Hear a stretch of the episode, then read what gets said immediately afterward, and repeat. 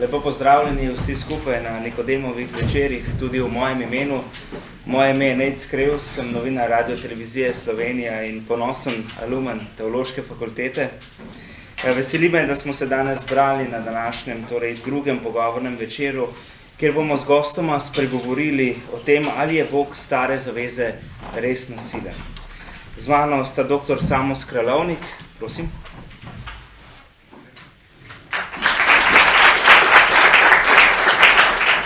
In dr. Matjaš Cedarc.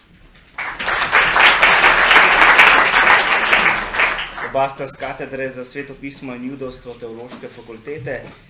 Najprej bo sledilo kratko predavanje obeh gostov, na to bo debata in čas za vaše vprašanja, pa morda še en disclaimer oziroma pojasnilo. Naša debata bo teološke narave. Dotaknili se bomo gotovo tudi aktualnega dogajanja na Bližnjem vzhodu, nikakor pa ne bomo globoko prodrli v politični diskurs. Doktor Skralovnik, prosim.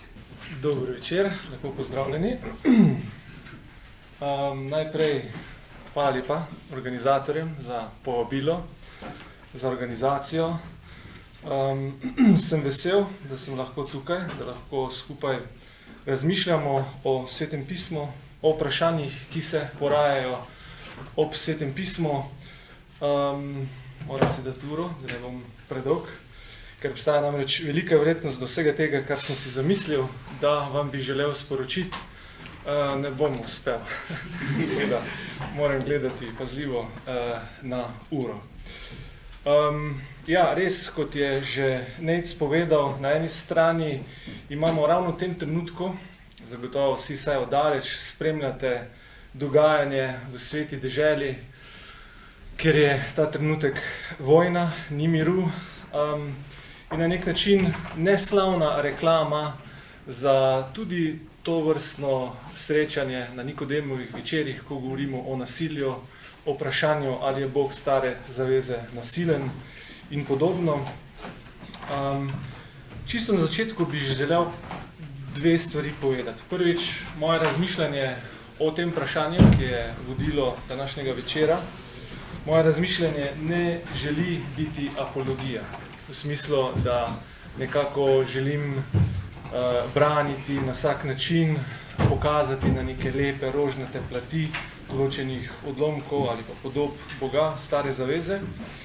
Um, in drugič bi še povdaril, da preprostega odgovora na vprašanje, ali je Bog stare zaveze nasilen, v smislu dveh črk, da ali ne, se bojim, uh, da ni.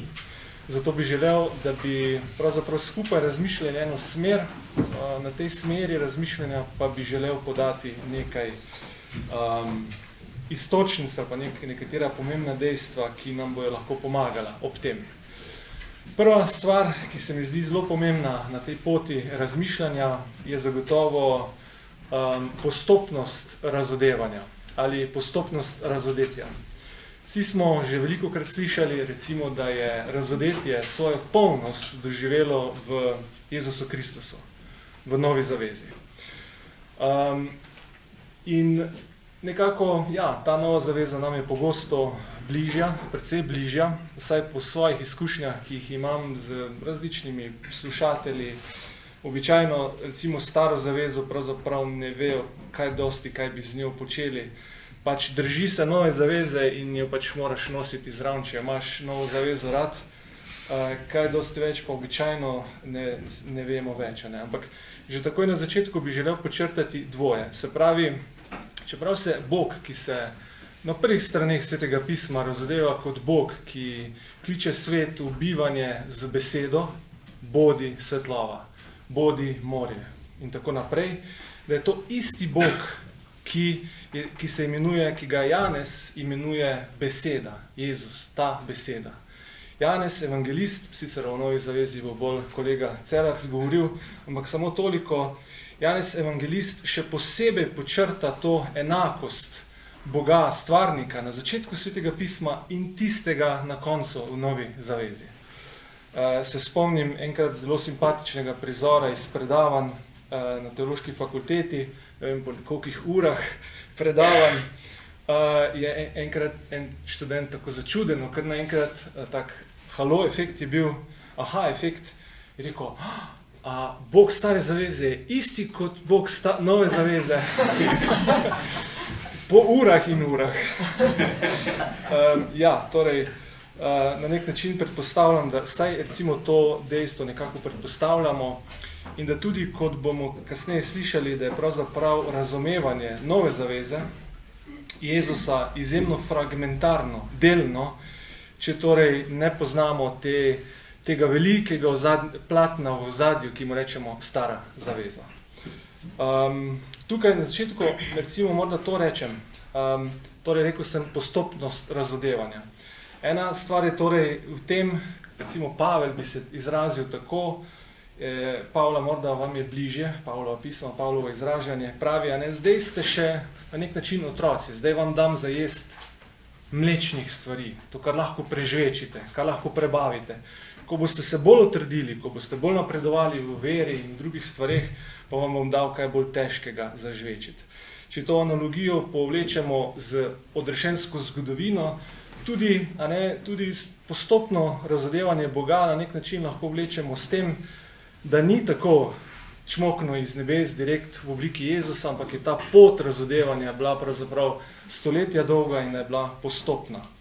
Drugič, um, sploh v besedilih, ki, ki razgrinjajo ali pa rišejo te krvave prizore, zagotovo so nam kateri znani iz stare zaveze, se moramo zavedati, da je mnogo teh besedil bilo napisanih, um, ne mnogo, vsa besedila so bila napisana kasneje, mnogo kasneje, kot so se dogodki dejansko dogajali. Kaj želim s tem povedati? Želim povedati, da so se v besedilih, ki opisuje recimo znano zauzetje Jerihe, morda se spomnite tistega trobljena na trombe, sedemkratno obkrožanje, sesuje se obzidje in Jozve in njegove goščaki pobijajo pod zakletvijo vse, kar diha in se giblje. Um, se pravi, um, ta odlomek je v resnici veliko bolj podoben liturgičnemu dejanju, kot pa opisu vojaškega dogajanja. Uh, hočem to reči, da so ti, ta besedila mnogokrat nastala stoletja kasneje, ali pa so bila redaktorsko urejena stoletja kasneje, kar pomeni, da se v njih že zrcali eno Izraelovo teološko samorazumevanje, ki je nastalo kasneje. Ne v danem trenutku, sem zdaj tega nadaljevanju dotaknil, ampak veliko kasneje. Kot primer, recimo zelo znana je tudi v stari zavezi tako imenovana sveta vojna, morda ste slišali za njo, po hebrejščini herem. To pomeni dobesedno zakletev. Se pravi, ko so se vojskovali, ni bilo recimo cilj samo poraziti neko mesto, nekih kanancov, to je bil samo del vojaške akcije. Vrhunec te akcije je bila pravzaprav zakletev in pokončanje vseh, vsega, kar, kot sem prej rekel, diha, hodi, se giblje. Um, ne, in, in zanimivo, da so te določbe zapisane v Deuteronomiju, peti Mojzesovi knjigi, ki je bila zelo, zelo pozno redaktorsko urejena, napisana. Definitivno pa recimo tudi Roland Devo pravi, ta knjiga je bila urejena ali pa napisana, ko je, bil, ko je bila sveta vojna, zakletev v Izraelovih mislih samo še spomin. Ni bila več resničnost, zgodovinska resničnost, že stoletja nazaj, ko se je to dogajalo. A pa bo Devo bo rekel, ta besedila, ki opisuje sveto vojno, so dejansko nastala v času, ko Izrael že dolgo več ni imel svoje države, da bi obranil ne svojo vojsko, s katero bi se bojeval, pač pa nastopi v eni, enem drugačnem kontekstu, do katerega upam bom prišel. Um, tukaj se postavi tudi eno zelo pomembno vprašanje, ki ga tako v nekem strokovnem svetu naslavljamo kot zgodovinsko vprašanje. Namreč, kaj je zdaj zgodovinski upis. A ne, ko mi predpostavljamo, da je Bog, recimo, stare zaveze nasilen, da so določena dejanja obarvana krvavo, nasilno, predpostavljamo, da je nek opis, ki ga beremo, se dejansko zgodovinsko tako izvršil, kakor pač je opisan v svetem pismu. Toda tukaj bi želel upozoriti, da je ta sodobni zgod pojmovanje zgodovine in pa ta svetopisanska zgodovina, da so to dve različni stvari. Mi vsi smo se učili zgodovino osnovni, srednji šoli, na faksu, kakorkoli, vemo, ne, da moramo biti objektivni, da moramo analizirati vire in tako naprej in na podlagi dejstev rekonstruirati neko dogajanje v preteklosti. To je ta sodobna znanstvena panoga znanstvenega raziskovanja. V svetem pismu pa lahko z veliko gotovosti rečem, da se pravzaprav izjemoma, saj stari zavezi, so svetopisenski avtori prijeli pero v roko za to, da bi pisali zgodovinsko kroniko. Da bi nas informirali o tem, kaj se je dogajalo nekoč v nekem času, v nekem kraju. Ponavadi so vzeli pero v roke zato, da bi skozi zgodovinske dogodke, ki so se zgodili, poskušali prikazati, kako deluje Bog. Skozi zgodovinske dogodke so želeli prepoznati neko logiko, neko delovanje Boga. Se pravi, da ne moremo popolnoma enačiti neko zgodovinsko, uh, sodobno zgodovinsko znanost z popisi, ki jih najdemo v Svetem pismu. Zdaj, ker so bili nameni uh, avtorjev ko so popisovali zelo, zelo različni. Kot primer recimo lahko uh, navedem ravno prej omenjeno Jozetovo knjigo, šesto poglavje, to zavzetje Jerihe. E, nijam časa, da bi vam bral zdele, pa bi vam z veseljem, ampak recimo za domačo nalogo, Jozve 6, uh, si lahko preberete usvojitev, to je prvo mesto, ki ga Izrael usvoji ob stopu v obljubljeno deželo. Prej sem že omenjal, če bi natančno brali, bi videli sedem duhovnikov, sedem rogov, sedem tromb, sedemkrat grejo okrog mesta, prestopijo eh, reko Jordan, se dajo obrezati, prvič praznujejo Pasho. Vsi ti elementi, torej kot rečeno, veliko bolj kaže na neko liturgično dogajanje kot vojaško dogajanje.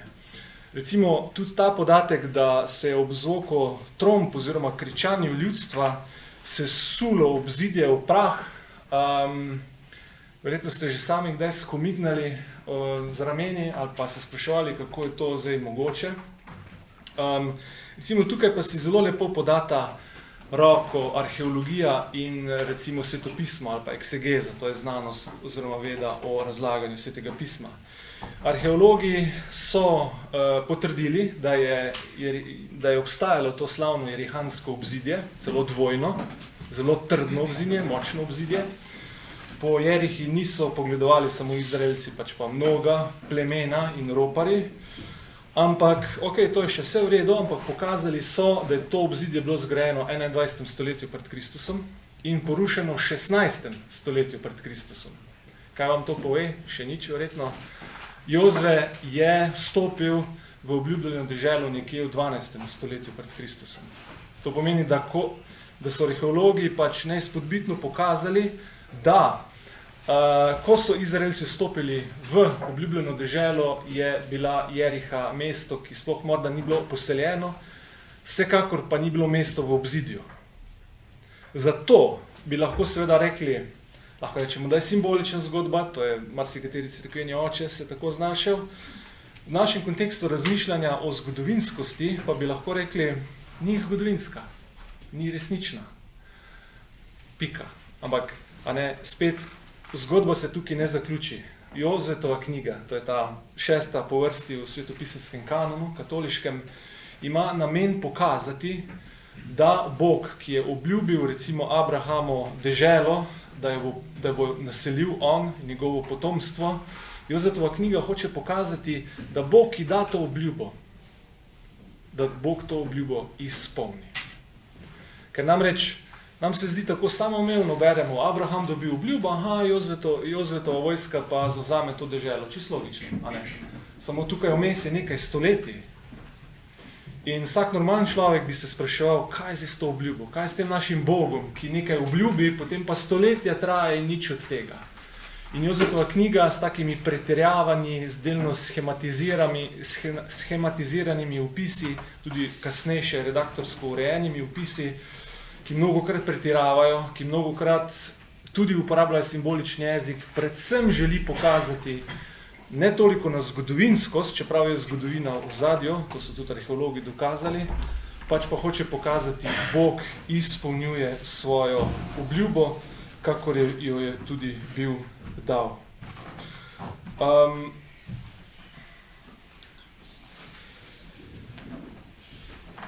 ja, Ok, um, prej sem se za kratek trenutek dotaknil tudi svete vojne. Zdaj ne bi želel točnih pasosov brati, ne, teh krvavih odlomkov, jih je kar nekaj. Kar nekaj tudi, bi rekli, je tako predstavljenih, da so predstavljeni kot izrek Boga Jahveja. Se pravi, Bog pravi, sploh ta preomenjeni herema, ne, zakletev, je običajno je to navodilo Boga. Ne recimo jaz rečem, premagali smo neko kanansko mesto, zdaj pa zakletev, pokončanje. Bog da to navodilo. Um, to je pogosto krat izpostavljeno, čeprav tudi časih ljudstvo kot neko zaobljubo, um, se tudi zgodi, da je ljudstvo, recimo, da je akter tega ljudstva, ampak ponavadi je, uh, je, je to torej Bog sam.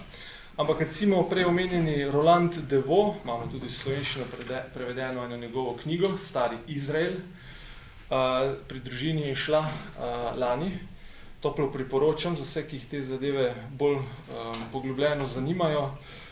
Zelo jasno izpostavlja, ne, da vsi ti upisi uh, o svetih vojnah jih najdemo v knjigah, ki so bile redaktorsko zaključene in urejene v času, ko so, kot prerečeno, ko so ti dogodki bliže daleč, daleč v zgodovini.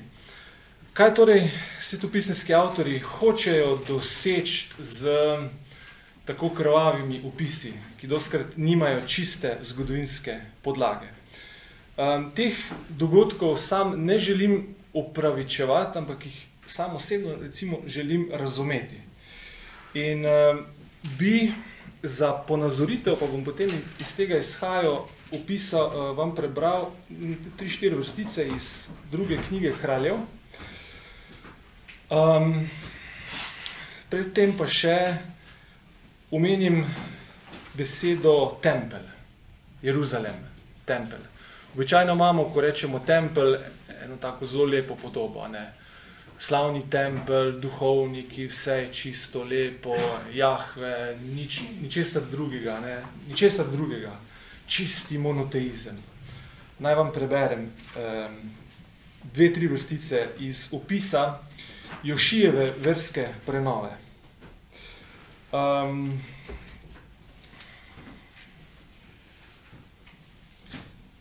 potem je kralj Jošija ukazal velikemu duhovniku Hilkijaju, drugim duhovnikom in čuvajem na pragu, naj spravijo iz gospodovega templja so opremo narejeno za Baala, Ašero in so nebesno vojsko. Sežgal jo je zunaj Jeruzalema na Cidronskih poljanah in njen pepel odnesel v Betel. Odpravil je svečnike, svečenike, ki so jih postavili judovi kralji, da so zažigali kadilo na višinah po judovih mestih in v okolici Jeruzalema. Pa, ti, pa tudi tiste, ki so zažigali kadilo Baalo, soncu in mesecu, ozvezdjem in vsej nebesni vojski. Tudi Ašero je spravil iz gospodove hiše ven iz Jeruzalema k potoku Cedrono in jo v potoku Cedrono sežgal in zmlel prah, njen prah pa raztresel po grobeh preprostega ljudstva. Podrl je tudi stanovanja obrednih vlačugarjev, ki so bila ob gospodovi hiši in kjer so ženske tkale ogrinjala za Ašero. Ne vem, če poznate ta odlomek, če ste kdaj slišali. Ampak pretresljivo, kaj se je prišlo v Jeruzalemski tempelj. Ta naša romantična podoba čistega monoteizma, kjer se ni nobenega dvoma, noben, noben malik, ničesar se ni priplazilo not.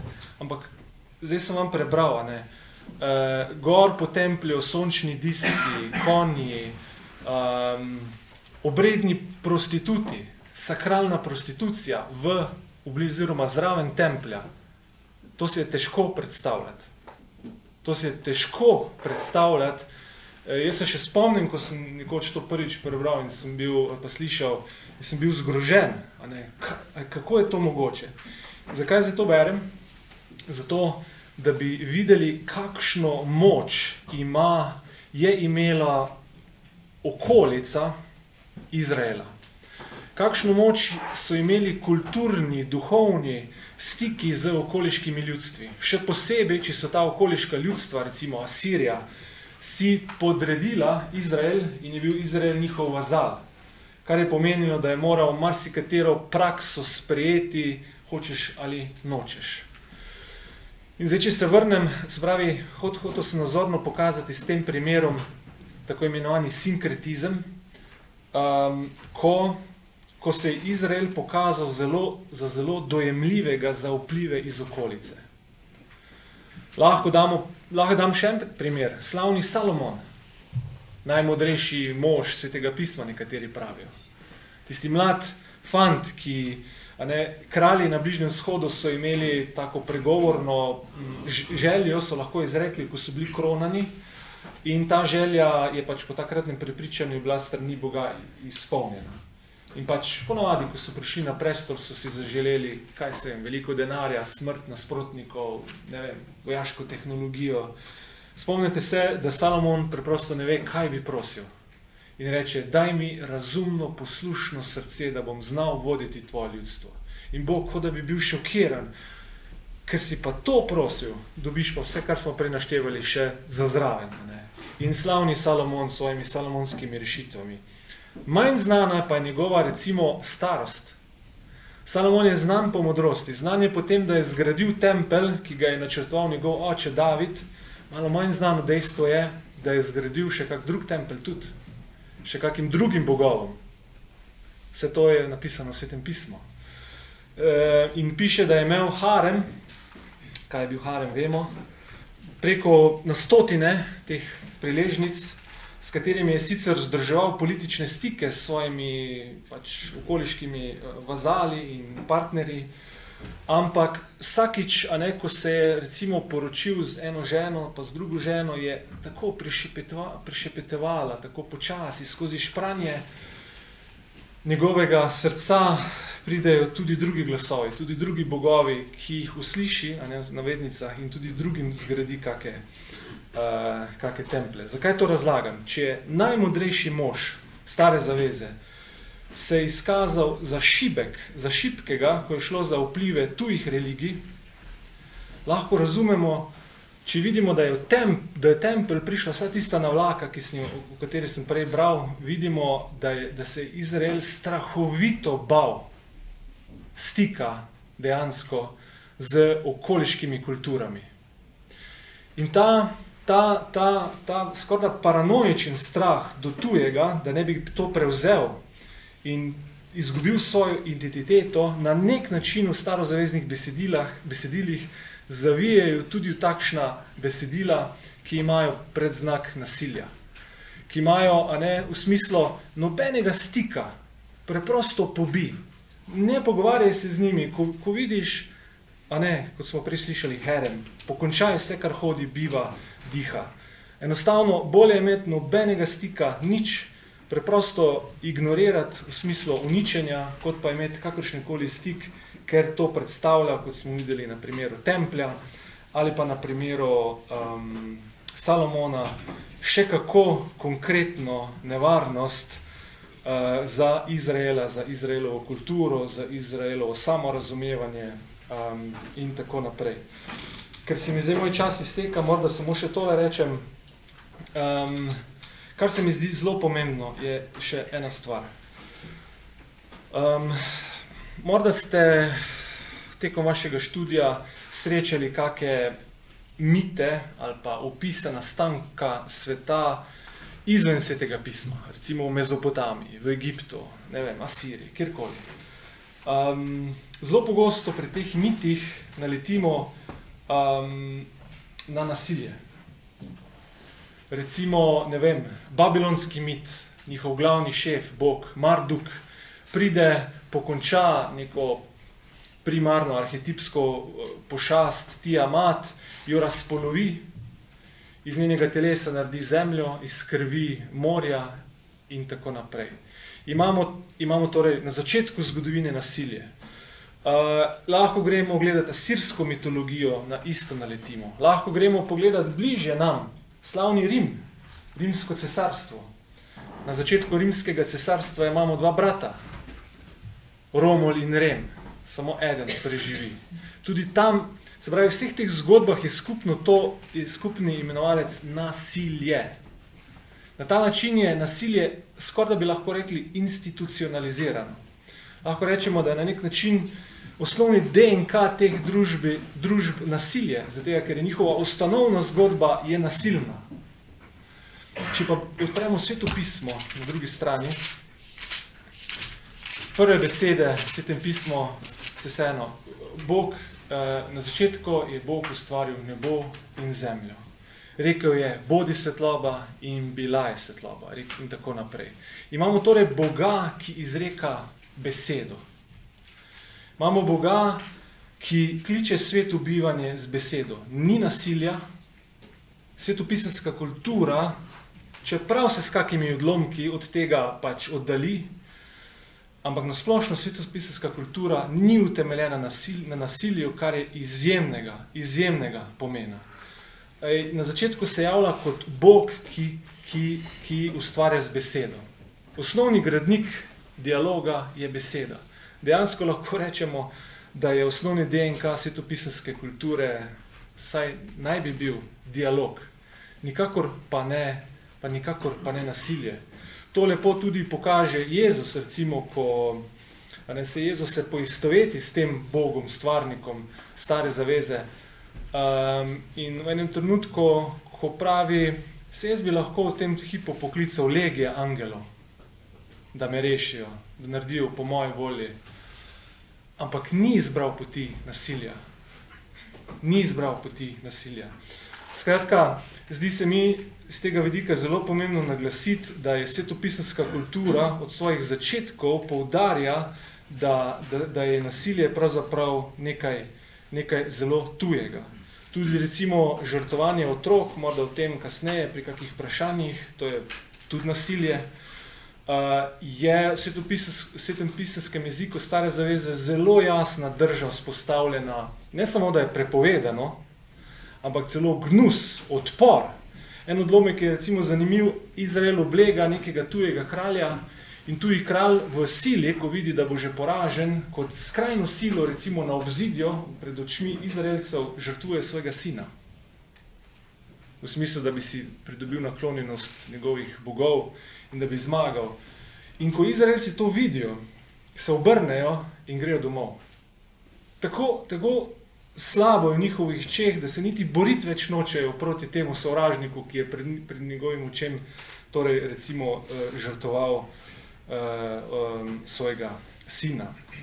Ob tem je morda še kdo pomislil, in res zaključujem na 1 Mojzes 22, Izakovo darovanje, oziroma Abrahamovo darovanje Izaka, a ne, Um, ključno pri tem je seveda zaključek zgodbe. Tanko roka že drsi po zraku z namenom ubiti Izaka, se zgodba preobrne v, v, v mir, v, v, v to podobo Boga stare zaveze, ki po mojem mnenju ni nasilna uh, in Izak preživi. Sicer je zelo zanimivo še eno domače branje, um, ena Mojzes 22, um, ne bom vsega bral, ampak samo zadnjo vrstico, ki je zelo um, pomenljiva. Takole pravi. Abraham se je vrnil hlapcema, zdignili so se in skupaj odšli proti Beršebi in Abraham je prebival v Beršebi. Na koncu zgodbe ni Izaka. Ni Izaka. Tukaj v zadnji je cela stroka, cela znanstvenost glede teh virov, kako in tako. Danes nač, načeloma strokovnjaki tako pravijo. Verjetno je obstajalo več različic te zgodbe, Izakove daritve. V nekaterih zgodbah je očitno Abraham Izaka daroval. Ampak ta sled, ta 19. vrstica, kaže prav, ne, prvo nas to zgrozi. Potem, ko dobro pomislimo v naši zgodbi, a pa bom tako rekli, v tej obliki svetega pisma, ki je prišlo do nas, za to različico, ko so se pradavni naši predniki odločili za njo, so se odločili za nenasilnega Boga in so izločili tiste različice, ki so bile torej nasilne in ki so um, umorile um, Izaka, uh, ki je daljni, daljni prednik tudi nas, um, kristijanov. Ok, jaz se bom zdaj tukaj skrajni čas ustavil, pa morda še kasneje pri debati kako stvar dodal. Hvala.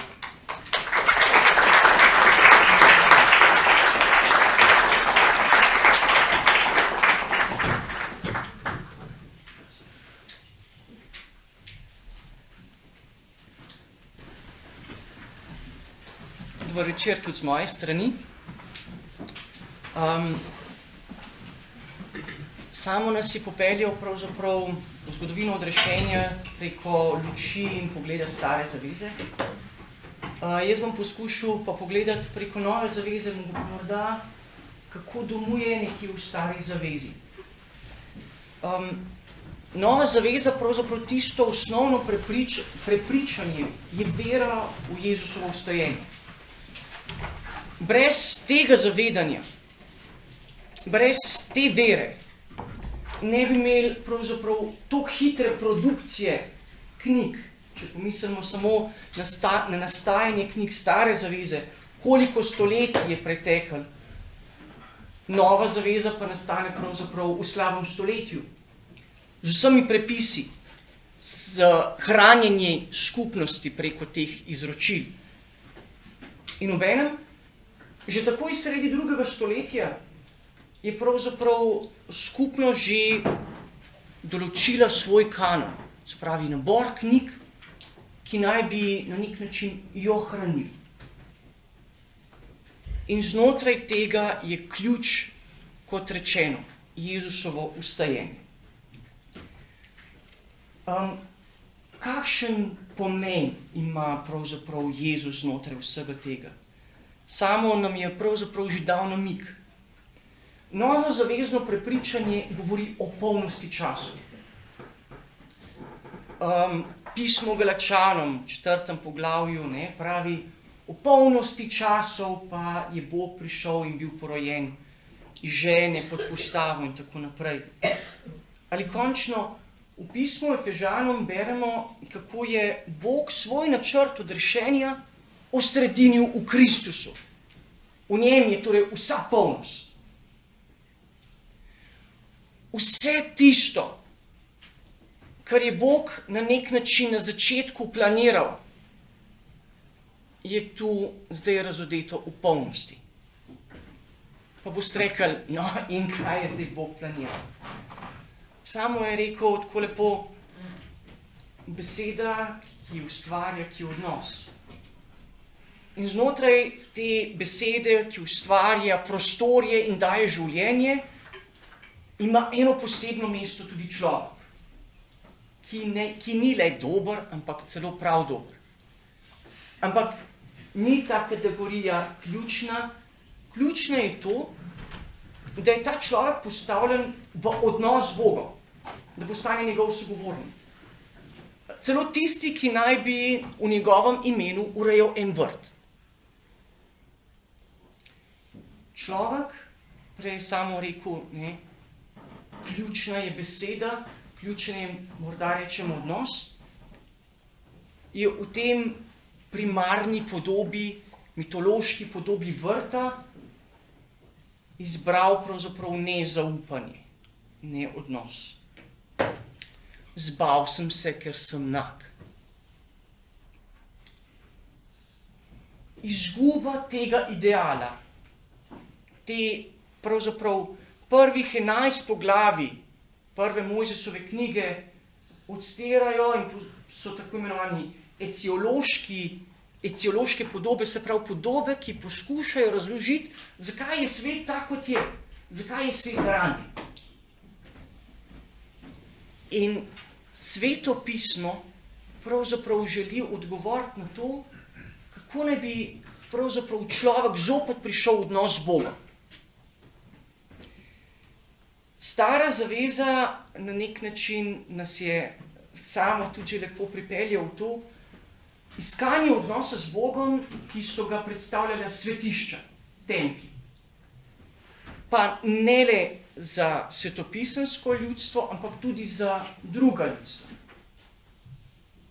Znotraj tega um, Bog poskuša do svojega ljudstva vzpostaviti zelo oseben odnos. Ena, kako naj rečem, tista prvina je zelo izpostavljena, če temu rečem, zakonski odnos. Če beremo preroka Izaija, pa ne samo, um, govori ravno o tem odnosu, ki naj bi bil zopet vzpostavljen, ki naj bi to ljudstvo ovenčal kakor svojo nevesto, kakor žena z odrešenim. Ali, če beremo potem Ozeja, pravi, povabim svojo, svoje ljudstvo v puščavo, da jo spregovorim v srce, v puščavo, kjer ni drugih stvari, ni drugih besed, kjer se vsi bali lahko odmaknejo. Zakaj?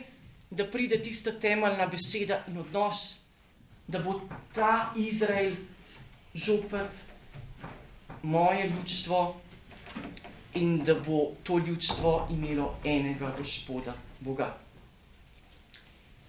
Znotraj tega se Bog razodeva kot tisti, ki to isto ljudstvo imenuje za svoje, tako kot, kot oče, ki se za njih bori in jih omenjena je bila tista pra bitka, tudi v Izaiju, v 51. poglavju je omenjena ta bitka za to ljudstvo, da bo resnično postalo njegovo ljudstvo.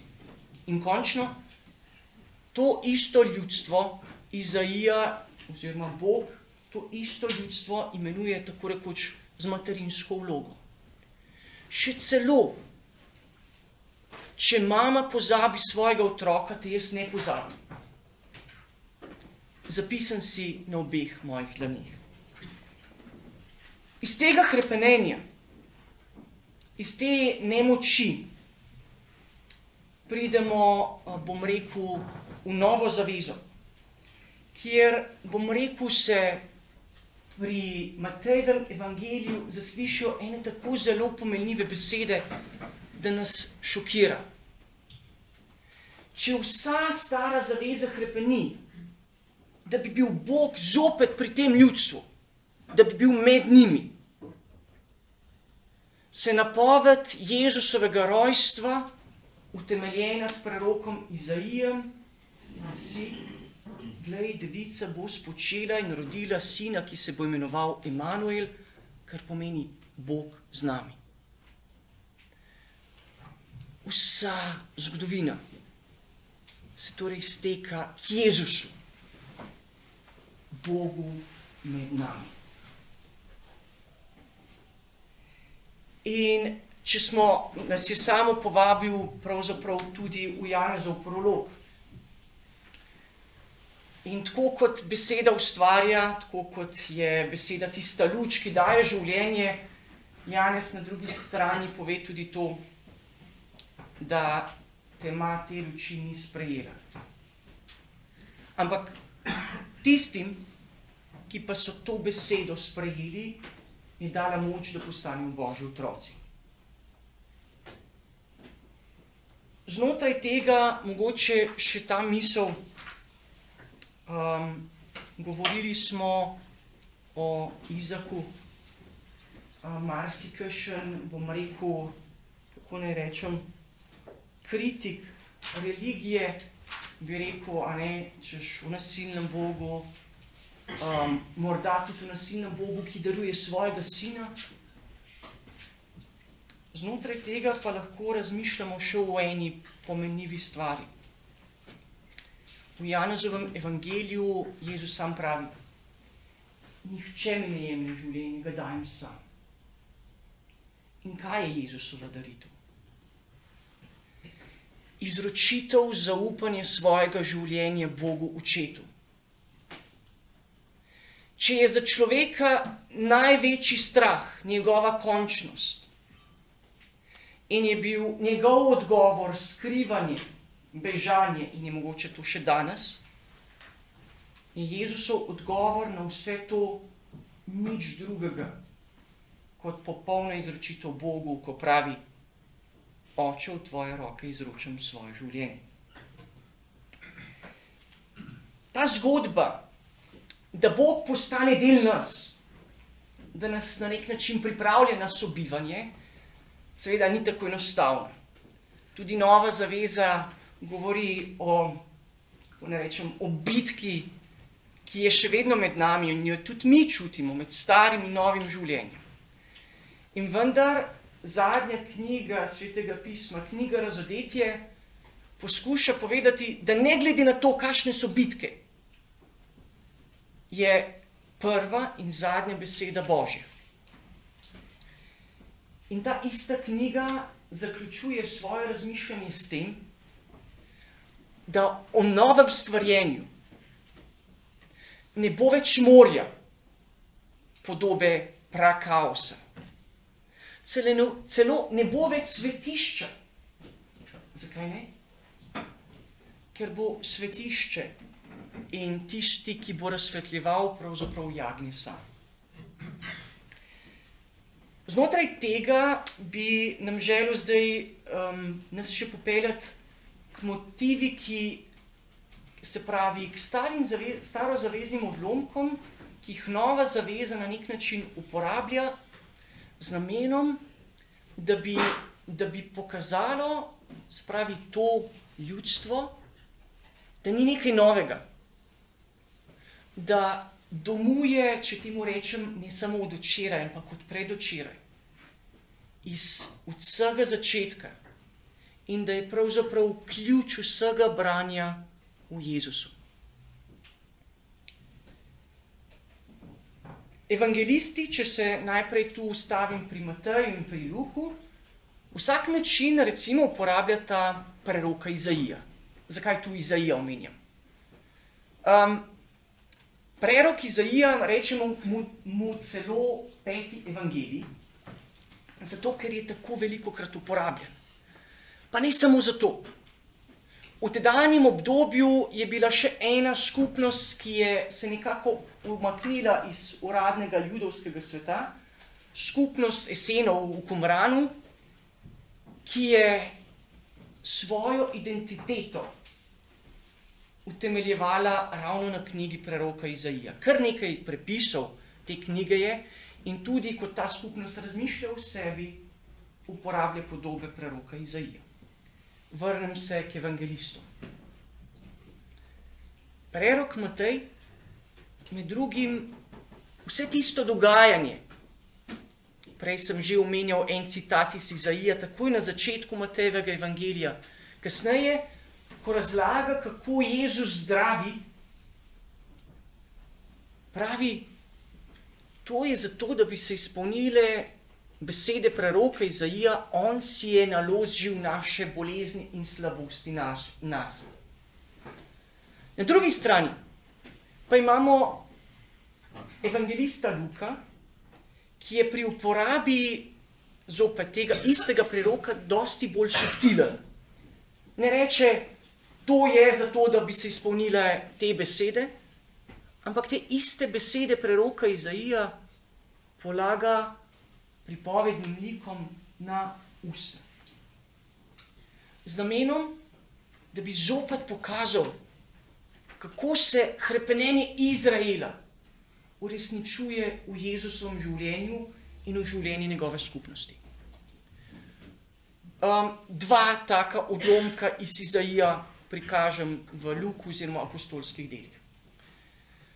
Izaija v 42. oziroma v 49. poglavju uh, svoje knjige, ko govori o tem krepenenju, da se bo ljudstvo vrnilo iz babilonske sužen, suženstva in bo Izrael postal luč narodov,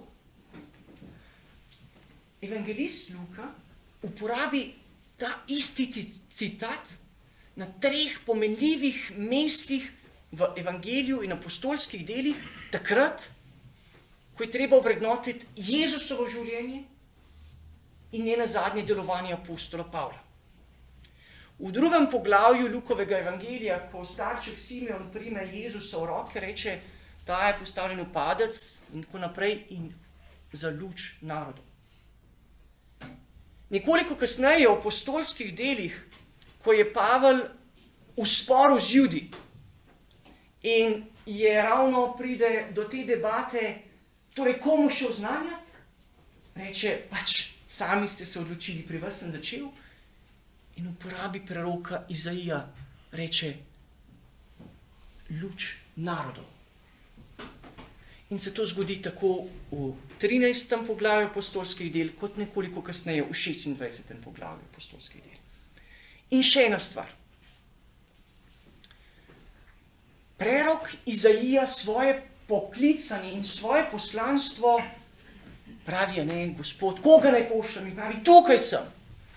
In malo zatem ga gospod sooči z njegovo resničnostjo. Danes nam je Matejš zjutraj bil v semenišču in je rekel, da je ena taka zanimiva stvar pri vseh poslanstvih lahko tudi soočenje z razočaranjem. In Izaija je že na začetku svojega poslanstva soočen s tem, da bo v bistvu razočaran. Poslan bo, da naj bi odpiral oči in bo ljudstvo slepo. Poslan bo, da bo odpiral šesa in bo ljudstvo gluho. Srce ljudstva je zakrknjeno. Ta isti citat Luka uporabi takrat, ko spregovori, kako Jezus oznanja priliko vseljalcu, pa je ljudstvo ravno v tej drži. In zopet, čisto na koncu apostolskih del, Pavel uporabi ta isti citat. Pa ne zaradi tega, da bi rekel, Izrael nima več kaj početi v božjem načrtu. Temveč ravno zato, da je uporabljala preroška kritika kot klic spreobrnenju za Izrael, pa tudi za nas. Um, še dva odlomka iz apostolskih del bi uporabil, ki na nek način uh, domujeta v stari zavezi. Prvi odlomek je iz drugega poglavja apostolskih del, ki je opis Binkušnega praznika. Ta opis, kjer se pač poznamo, da se tam stvari stresajo, da nastane šum, veter in tako naprej, uh, da se posta, zgodijo plameni in tako naprej.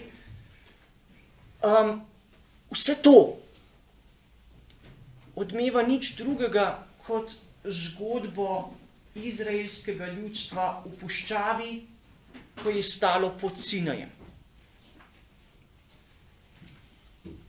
Binkošni praznik, praznik tednov, 50. dan, je v zadnjem obdobju ali pa v obdobju judovskega sveta drugega templja dobival ravno novo podobo in sicer spominjanje tega, da so na Binkošni praznik prejeli postavo. Torej, da je bil spomin sinajskega dogodka. In vendar preroški svet ugotavlja, da kljub temu, da so dobili postavo, in njihovo življenje bilo veliko krat obrnjeno stran od Boga. In da je ta postava, ki je bila nekdaj pisana na kamnu, jo potrebno nujno zapisati v srce. Jeremija, Ezekiel govorita o tem, prerok Izaija po 32. poglavju govori o duhu zvišave, ki bo prinesel novo življenje. Druga stvar, ki je pomenljiva v odlomku drugega poglavja apostolskih del, je, da se tam je cela lista od vrstice 5 pa do 9, da se tam zbere tako rekoč v svet. Kje je pisač Luka dobil vse ta seznam, morda bi lahko tle še razpravljali. Ena stvar pa, ki je pomembna. Gre tudi za en odmev stare zaveze. In sicer prve Mojzesove knjige, ki v desetem poglavju zabeleži tako dolgo listo potomcev Nojetovih potomcev oziroma njegovih sinov in njihovih potomcev. V enajstem poglavju pa, se pravi prve Mojzesove knjige, pa zvemo za zgodbo o babilonskem stolpu. O ljudeh, ki so si poskušali napraviti svoje ime, ki se niso želeli raztreščiti po svetu, ampak so bili želeli pokazati, kako so en, eno. Zgodilo se je ravno obratno. V Binkošnem prazniku pa se zgodi, da pride tja v svet. In kljub različnim narodom, kljub različnim jezikom, v katerih slišijo oznanjevanja velikih božjih del, vsi razumejo. To pomeni, da smo ob inkošnem prazniku prišli do uresničenja tega krepenenja judovske ali pa zgodovine izraelskega ljudstva, da bo postava zabeležena v srce, da bo v svet zbran v tem istem razumevanju, kljub vsej različnosti. In še en odlomek iz apostolskih del. Marko me je že prej vprašal, če se bom soočil z njim. Um, se bom soočil s tem odlomkom. V petem poglavju apostolskih del zvemo za nekaj zelo krutega.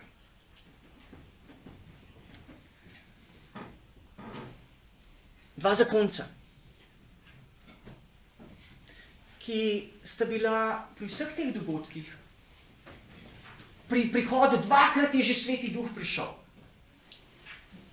Dvakrat smo že slišali o tem, kako je bila celota skupnost kot ena srce in ena duša, uresničenje vsega krepenenja odnosa z Bogom te zavese, biti tako rekoč eno.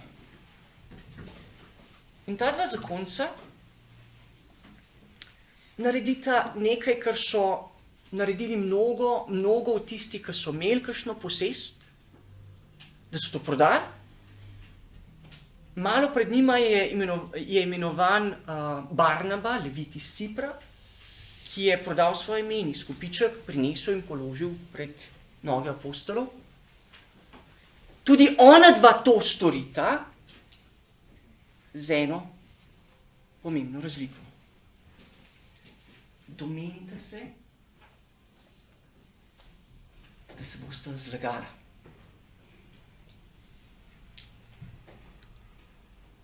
In v tem naklepu sta bila skupaj in sta skupaj to sklenila.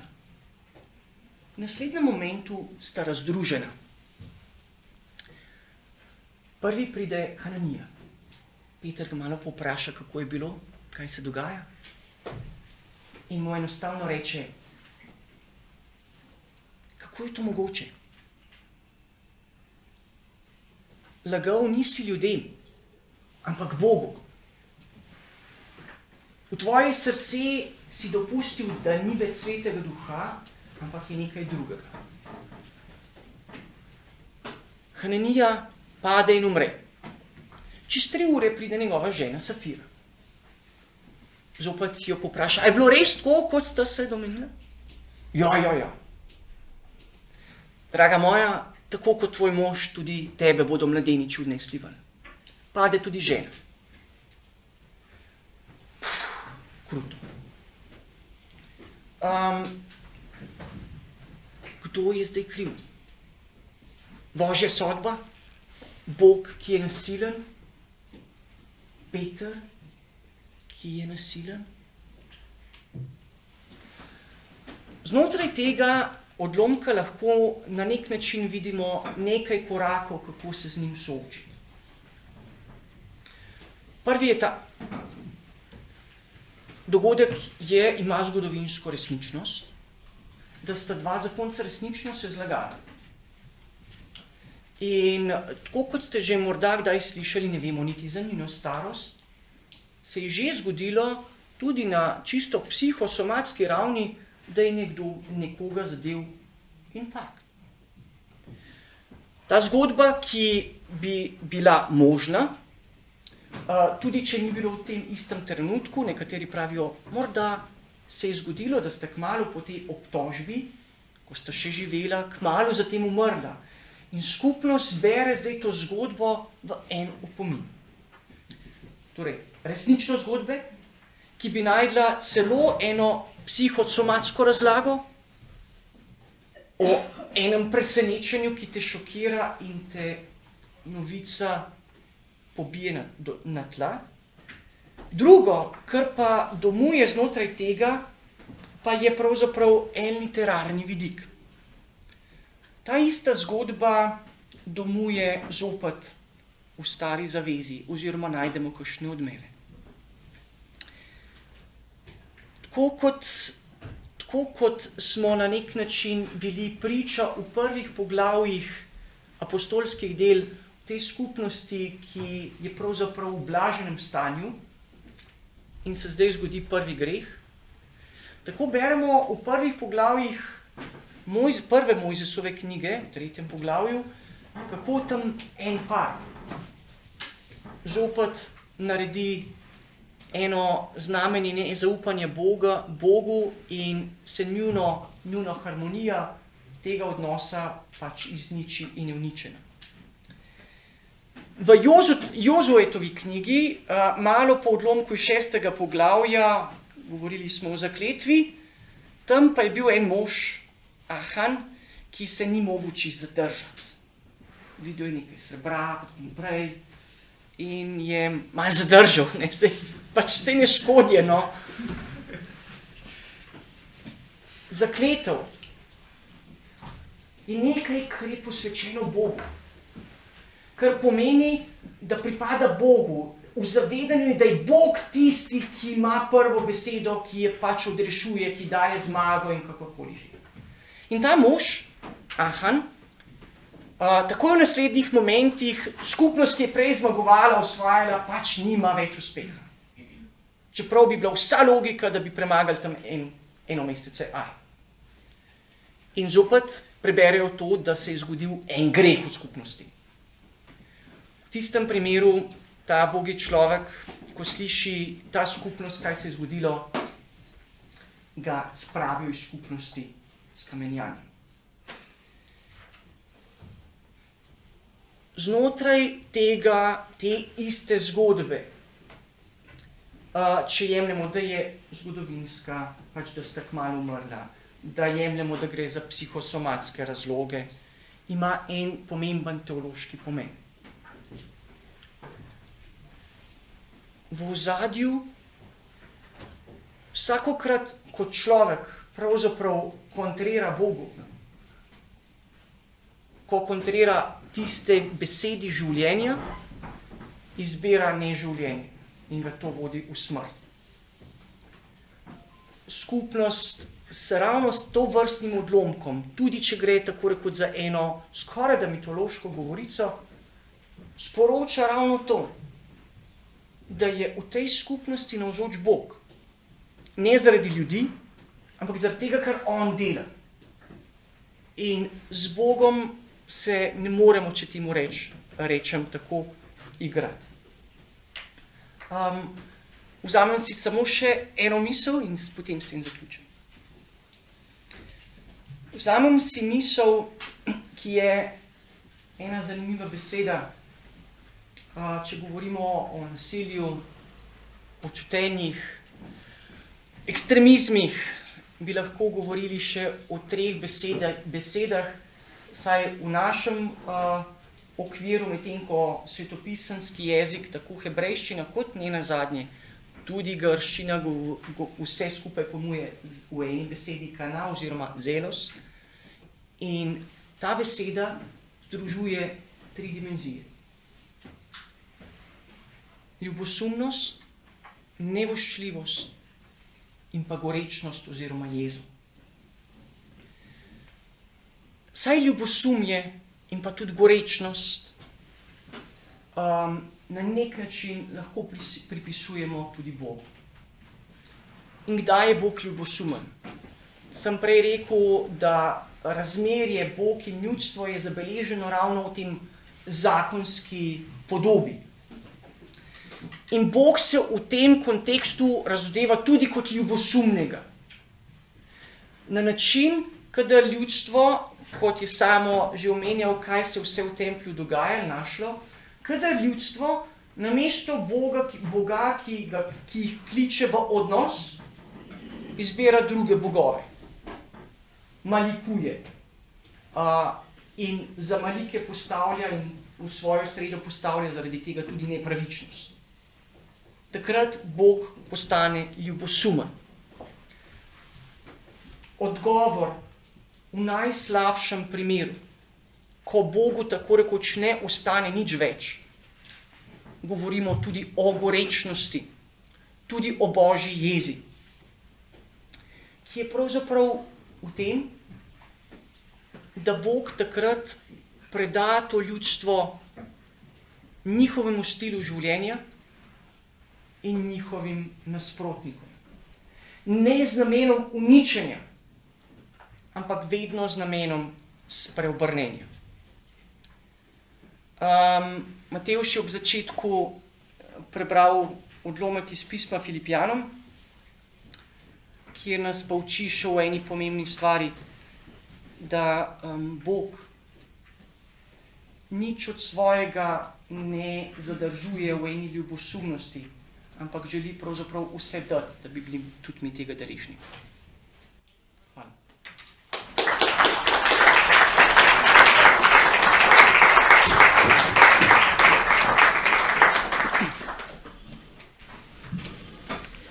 Ja, spoštovana gosta, malo ste me presenetila. Uh, moj scenarij je nekako preden smo začeli zgledati takole, zdaj zgleda pa tako. Da je preveč vprašanj, ampak uh, nekje bomo začeli pa probali, ker nimamo cele noči, ampak uh, najlepša hvala no, še enkrat, ker ste uh, sprejela to vlogo, da se soočimo z različnimi vprašanji. Predvsem s tem vprašanjem, ki me je tudi mene samega nagovorilo. Torej, govorili smo o nasilju. Kako v resnici brati knjigo vseh knjig? Zdaj moram iskreno priznati, doktor Skrelovnik, tudi moj ideal Salomona ste malo razbili. S tem dejstvom, da je, mislim, da je imel Salomon 700 žena, pa 300 priležnic, pa še kak tempelj zraven je zgradil, ne samo izraelskega. Tako da, kako v resnici bolj figurativno gledati iz različnih zornih kotov na svetopismo? Um,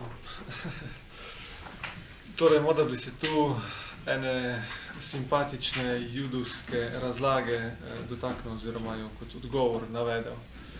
Torej, um, to se mi zdi zelo dobro, eh, da je spomnil to vprašanje, čeprav morda ne bom direkt odgovoril.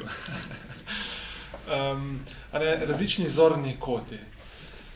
Branja, uh, že zdaj, ko smo z Matjažem govorila, je marsikdo morda pomislil, jaz pa sem slišal malo drugačke, ali pa naš župnik pa drugače razlaga, ali pa oni razla, v knjigi pa malo drugače piše.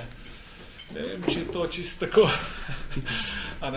Se pravi, različni, različni pogledi, različne razlage. Ob tem bi jaz um, sam en, dva vidika izpostavil. Prvič, to, kar je Matjaš izpostavil, pa delno tudi jaz, in sicer, če je naš ključ razumevanja Kristus, oziroma če je razlaga kristocentrična, se pravi, da nas usmerja, vodi naše razmišljanje, naša, naše zemljevide srca, usmerja proti Kristusu, proti kakorkoli že to imenujemo, proti nebesom, je, je ta razlaga dobra, je pravilna.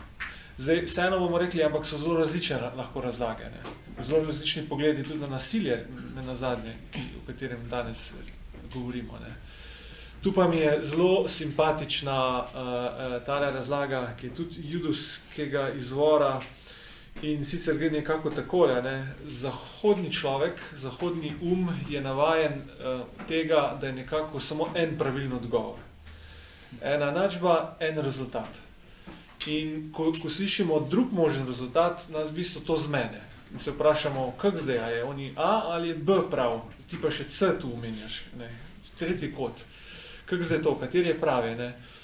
Pa, dos, pa se tako nekako semitska misel, se pravi misel, v kateri je napisano sveto pismo, uh, morda temu tako samo mm, tako dobrovoljno nasmehne in pravi takole, ne? vaše razmišljanje je podobno enoglasnemu petju enoglasno petje. Poznamo fascinantne pevce, ki lahko zapojejo enoglasno, da človeka sezuje. Ampak, kaj je to proti večglasnemu petju?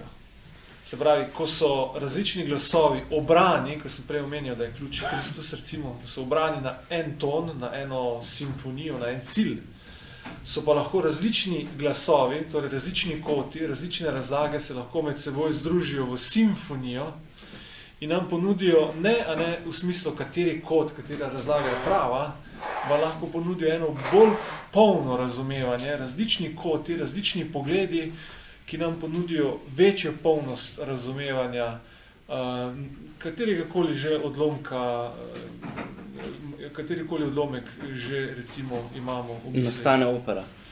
Nastane, nastane opera. In jaz ravno zdaj, ko so imeli 40-letnico, kaj so že dile, um, perpetuum jazzine, sem bil v Cankarjevem in res z odprtimi ustami sem naštel sem jih, ne vem, če sem prav štel, 46 jih je. In ko 46 ljudi v popolnosti zapoje nekaj, mislim, ne, sorry, tudi jaz eh, zelo rad poslušam glasbo, pa sem fan nekaterih vokalov, ampak en proti, ne vem, 46 obranim, eh, pri nas se bi reklo, sorry, nima za burek. Eh, doktor Celarc, zakaj svetega pisma ne beremo dobesedno in zakaj smo tako pozorni v resnici tudi na simbolno govorico? Omenjali ste tudi Pavla, ki uporablja tudi ta starozavezni jezik. Um, jaz bi samo še tisto, ki mi je bilo tako, ki je samo začel, mogoče um, me je prišla ta misel. No? Ne, spet rabinska razlaga, ne, tako pravi. Ne? Bog je rekel eno besedo, slišal sem dve. Um, ne, se pravi, in v judovskem svetu je pravzaprav res to, to prisotno. Um, že sam judovski svet je pravzaprav barvit. Um, zdaj, na to vprašanje dobesednosti, uh, bom rekel, um, prej smo omenjali že judovske kralje. En prvi judovski kralj imel že eno težavo z dobesednostjo, ker ni razumel uh, poezije. To je bil kralj Savel. Ne? In ko njegov naslednik, David, pride in premaga, in tako naprej, dekleta, ki spremljajo to povorko, kličejo, ne. Uh, se pravi, Savel jih je premagal tisoč, David pa deset tisoč. In ko Savel to sliši, vidi tle rivala. Enostavno zaradi tega, ker ni razumel poezije, stopnjevanja. Uh, tako kot na drugi strani, tako kot dosti krat rečemo, ne, dobesednost um, je lahko toliko nevarna, če jo enostavno iztrgamo iz konteksta. Zdaj, če bi rekel, ne, uh, recimo, uh, v Matejevem evangeliju, v srednjem delu, ne, kjer imamo blagre in tako naprej, uh, Matej govori tudi, se pravi, Jezus v tem evangeliju govori tudi o enih antitezah. Spravi, slišalo, slišali ste, da vam je bilo rečeno, in tako naprej, uh, in naredi potem eno nasprotje. Ali uh, še tako beremo med drugim, ne? če te tvoje oko pohujšuje, ga izderi, če je roka, noga, kakorkoli že. Dobesednost bi bila zelo nevarna, um, bom rekel, in čisto nasprotju s tem, kar naj bi, kar naj bi šlo celota svetega pisma. Namreč v Jeruzalemu um, se ne, ne sprehajajo kar tako vsi po, po, polomljeni in pofavljeni, če se tako izrazim, pa kljub temu, da so vsi ljudje in tudi, da gotovo se soočajo s pohujšanjem. In ena zadnje tudi zato, ker sveto pismo, oziroma v judovski tradiciji, pa tudi vsi vedo, da, um, da pravzaprav tisto, tisti, ki da je treba biti za odnos z Bogom na nek način popoln. Ali še drugače. Jezus potem pravi, ne, um, pač v odnosu je treba tako rekoč zavreči očeta in mater zaradi Božjega kraljestva. Ampak tako je nekoliko zatem pa pravi, pač farizeji rečejo, ne, če daš nekaj za tako imenovani dar, za korban, pol, pač se ti ni treba več skrbeti za, za starše. Ne. Hočem reči, uh, tukaj gre, z, vidimo, da so že znotraj uh, teh, kon, teh besedil, bi, če bi brali zelo, zelo dobesedno, bi prišli do, do stvari, ki sami sebe nasprotujejo. In to pomeni, da recimo tudi to zadnje, odnos do družine ali odnos do roke, noge in kakorkoli že, govori, je eno pretiravanje z namenom, da bi razumeli, kako pomembna je odločitev za Boga, za Božje kraljestvo. Uh, in da, da je tja potrebno usmeriti mojo celoto, celoto mojega življenja, tudi tisto, kar me pohujšuje. Um, tako, um, Pavel, če samo še to, Pavel, nedvomno je farizej, je tisti, ki je zelo izobražen ne, v svetem pismu, Bivši Savel. ja, bivši Saval. Um, in bom rekel, se pregrava s temi podobami. No? Um, in kar se mi zdi, če samo se vrnem na tisto, no, kar mene nagovarja v desetem poglavju pisma Rimljanom, je to, da reče, ne, cilj, smisel, konec, obrat, kakorkoli že, vse postave je Kristus. Kot da bi rekel, če vsa postava usmerjena k življenju, v odnosu z Bogom, ima ta svoj pravi smisel. Pač Vidimo čez njegovo transformacijo. Tako, tako. Če se dotaknemo resnici vprašanja, ki smo ga tudi nadeli temu panelu, je Bog stare zaveze nasilen. Veliko smo torej eh, govorili o nasilju, tako v novi zavezi, kot v stari zavezi. Kako v resnici odgovoriti na to vprašanje? Vem, da ste ga že nakazali, doktor Skralovnik, ni ne črno, ni ne belo, malo je sivine. 50 odtenkov. um, kako odgovoriti? Torej, v bistvu sem začel s tem. Ja. Um, sam se ne rad, um, oziroma se izogibam takim zelo jasnim ja, pa ne odgovorom. Zato, ker dosti krat predpostavljajo, oziroma jaz morda vem, kaj menim ali kaj mislim, ko rečem ja, ne vem pa, kaj meni kdorkoli drug, ali pa ko to posluša, ko jaz rečem ja ali pa ne. Ali karkoli. Sej to je problem tudi vsakdanjih odnosov, pa komunikacije. Čist preproste stvari, jaz se včasih pošalim že, ki, ki so take naravni, pojdi v trgovino, kupiti um, ne vem, smetano, jaz pa žena, ne, se izvodlijo do te, te mere, da domov prinesem ne vem, sladko mišljenje, bila pa kisla. Ne. Um, skratka, zelo pogosto torej, projiciramo neko svoje razmišljanje v potem tiste odgovore, zato jih torej, ne zelo rad dam. Bi pa morda to dodal, kar se mi je zdelo, da je zelo lepo izvajal kolega, um, ko je govoril o tej ljubosumnosti, tej gorečnosti. Mislim, da smo lahko začutili, da je tukaj na nek način govora o antropomorfizmu. Se pravi, upisovanju Boga z človeškimi lastnostmi. Bog v svetem pismu pravi, da je tako drugačen od človeka, ne, da, da, ga ne, da ga ne more objeti. Mislim, da bi rekel, šlo, mi smo taki na nek način eh, siromaki v domišljiji, da si, da si sploh ne znamo predstavljati. Da so tudi besede siromašne. Da so besede siromašne, ne rečemo, Bog je vsemogočen. Kaj pa to pomeni, vsemogočnost? Si sploh znamo predstavljati. Tak, taki siromaki smo tukaj, da enostavno, da svetopisanski avtori za to, da bi upisali Boga, jemljejo nekaj iz sveta, ki nam je znan.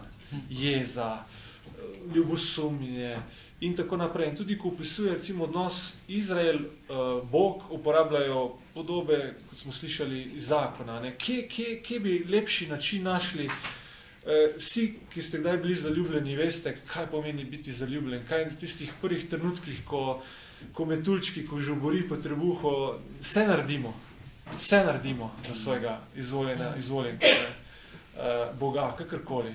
Pa pa pride leta. Ne? Um, pač tudi to je resničnost. Ne? Ampak ko je svetopisanski avtor razmišljal, kako zdaj opisati to noro božjo ljubezen, ja, kako z ljubeznijo med možem in ženo. Ni, ne znamo človek lepše, bolj popolno povedati, da bi ob tem čutili, kaj to pomeni. In tudi, ko govori o Bogu nasilja, Bogu jeze, Boga, bo, Bogu ljubosumja in podobno, se na nek način izraža z pojmi, z čustvi, ki so človeške, ne božje. Bog sam pravi, jaz sem popolnoma drugačen kot, kot ste vi. Po, ne, gre projekcije naših čustev, naših, po, našega pojmovnega sistema v nekaj, kar je ontološko drugačno kot, kot, kot mi. Zato je najmanj nehvaležno, ne, preprosto reči pač ja, je ali pa ne, ni, ne, zato ker nasilen. Um, ker, ker je to spet izraženo na nek človeški način, ki ni čisto kompatibilen na ta način z, uh, z Božjim. In s tem morda se samo dotaknem še tega.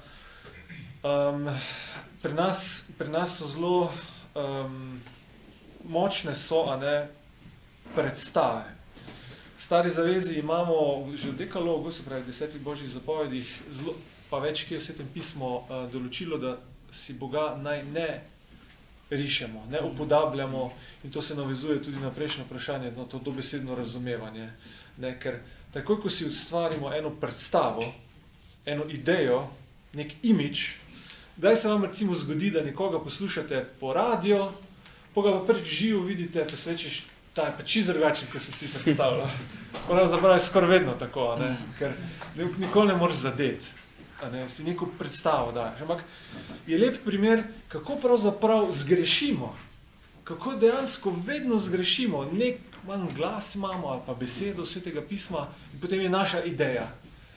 In že ko je na ravni človekovega glasu brcnemo mimo, koliko bolj dejansko brcnemo s temi dobesednimi predstavami mimo, ko pridemo na raven recimo Boga. In, in še ena morda stvar, sam to večkrat omenjam, ko imamo kakšna predavanja ne, in, in to se meni doskrat zgodilo. Vem, um, ko imaš predstavo, ki, ki je dejansko predstave so močnejše od grafičnih zaznav, kar jaz vidim.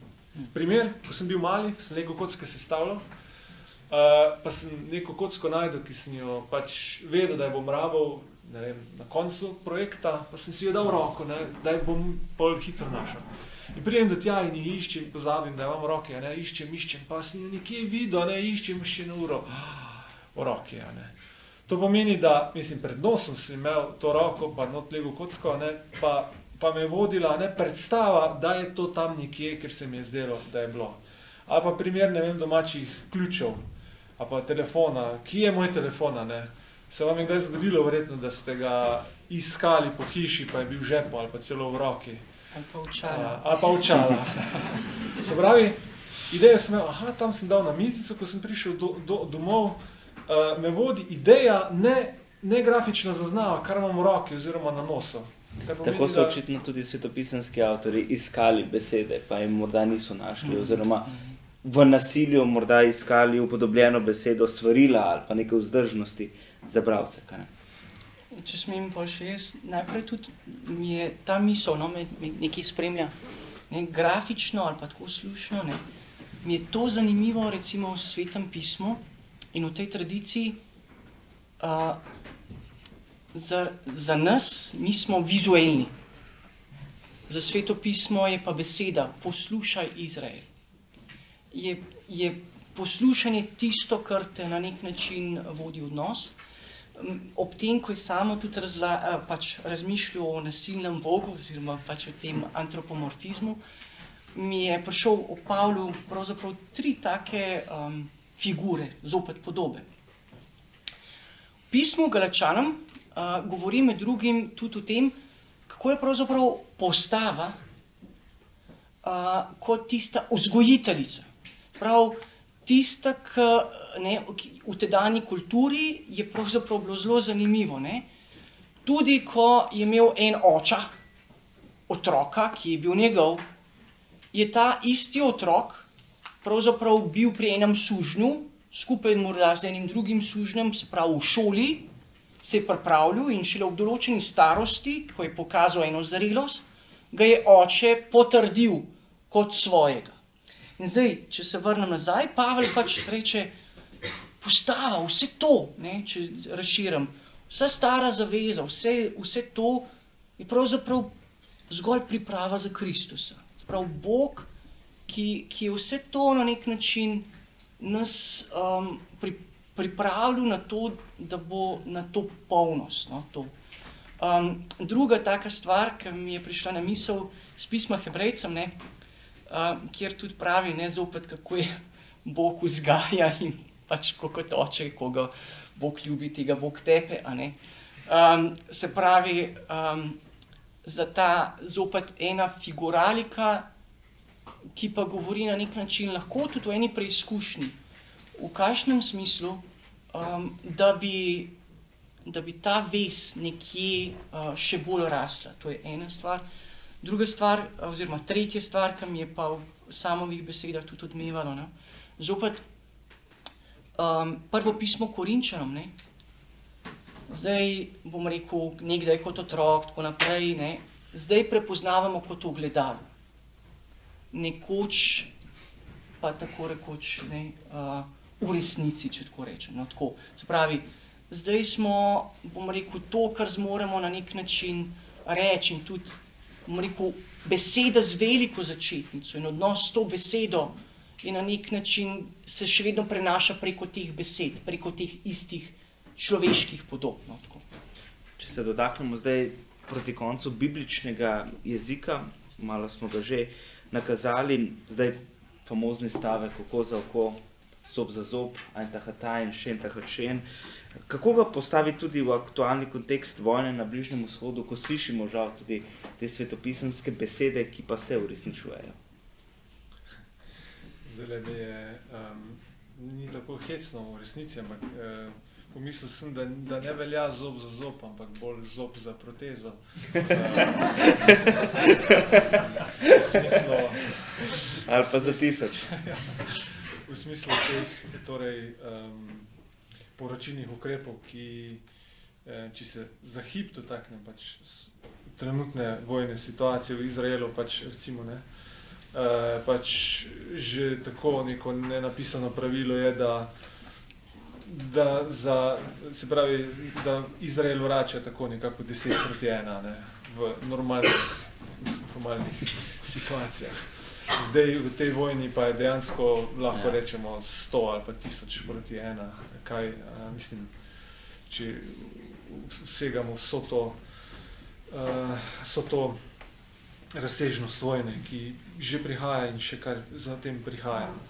No, um, zdi, zdi se mi pa, da, da je ta, morda samo toliko reče, ne bi se zdaj želel toliko politično opredeljevati, čeprav imam seveda svoje stališče, ampak um, morda bi bolj to rekel, ne, da kako zanimivo je opazovati, um, kako dejansko pogojuje razumevanje svetega pisma nek konkreten družbeni pojav. Lahko je to vojna, lahko je mir, vem, trgovsko blagostanje, revščina. Vse to, kako dejansko vpliva na pojmovanje, razumevanje svetega pisma. Ne? Ker mi, mi smo se študenti pogovarjali, s- smo se prav hecali, ne?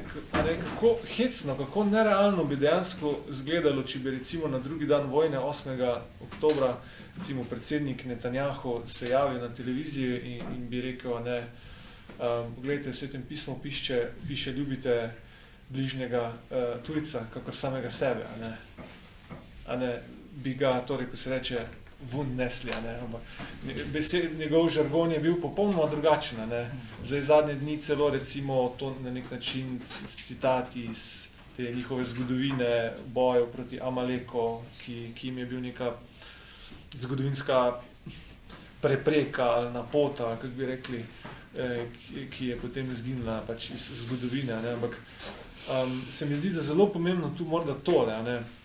Zob za zob so v vsakem času, v vsakem kontekstu razumeli, se mi zdi, malce drugače. Zato se mi zdi, da za razumevanje svetega pisma je zelo pomembno, ne, da ga mi tukaj le v Evropi, v miru, v obdobju, ker so naše skrbi dejansko, koliko solena je goveja juha, preveč ali premalo, na tej ravni so dosti krat naše skrbi, ne, projiciramo ali pa razumemo ta besedila nasilja, zob za zob in tako naprej, v enem čist drugačnem miselnem mehurčku, ko pa nekdo, ki, ki, ki trepeta, da bo preživel noč, ki trepeta, da ga ne bo recimo terorist napadel.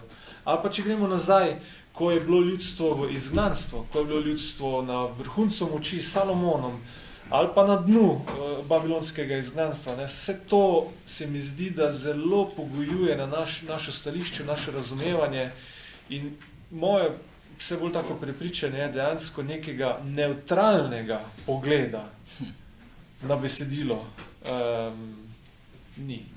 Vedno izhajamo, ko razmišljamo iz nekega našega zornega kota. Enostavno, to je naša določenost, iz katere se mi zdi, uh, da ne moremo. In kot še enkrat, če morda nisem bil jasen, torej, rek zob za zob je torej, v tem trenutku v Izraelu bistveno drugačen razumen, kot pa še recimo en mesec nazaj. To sem hotel povedati.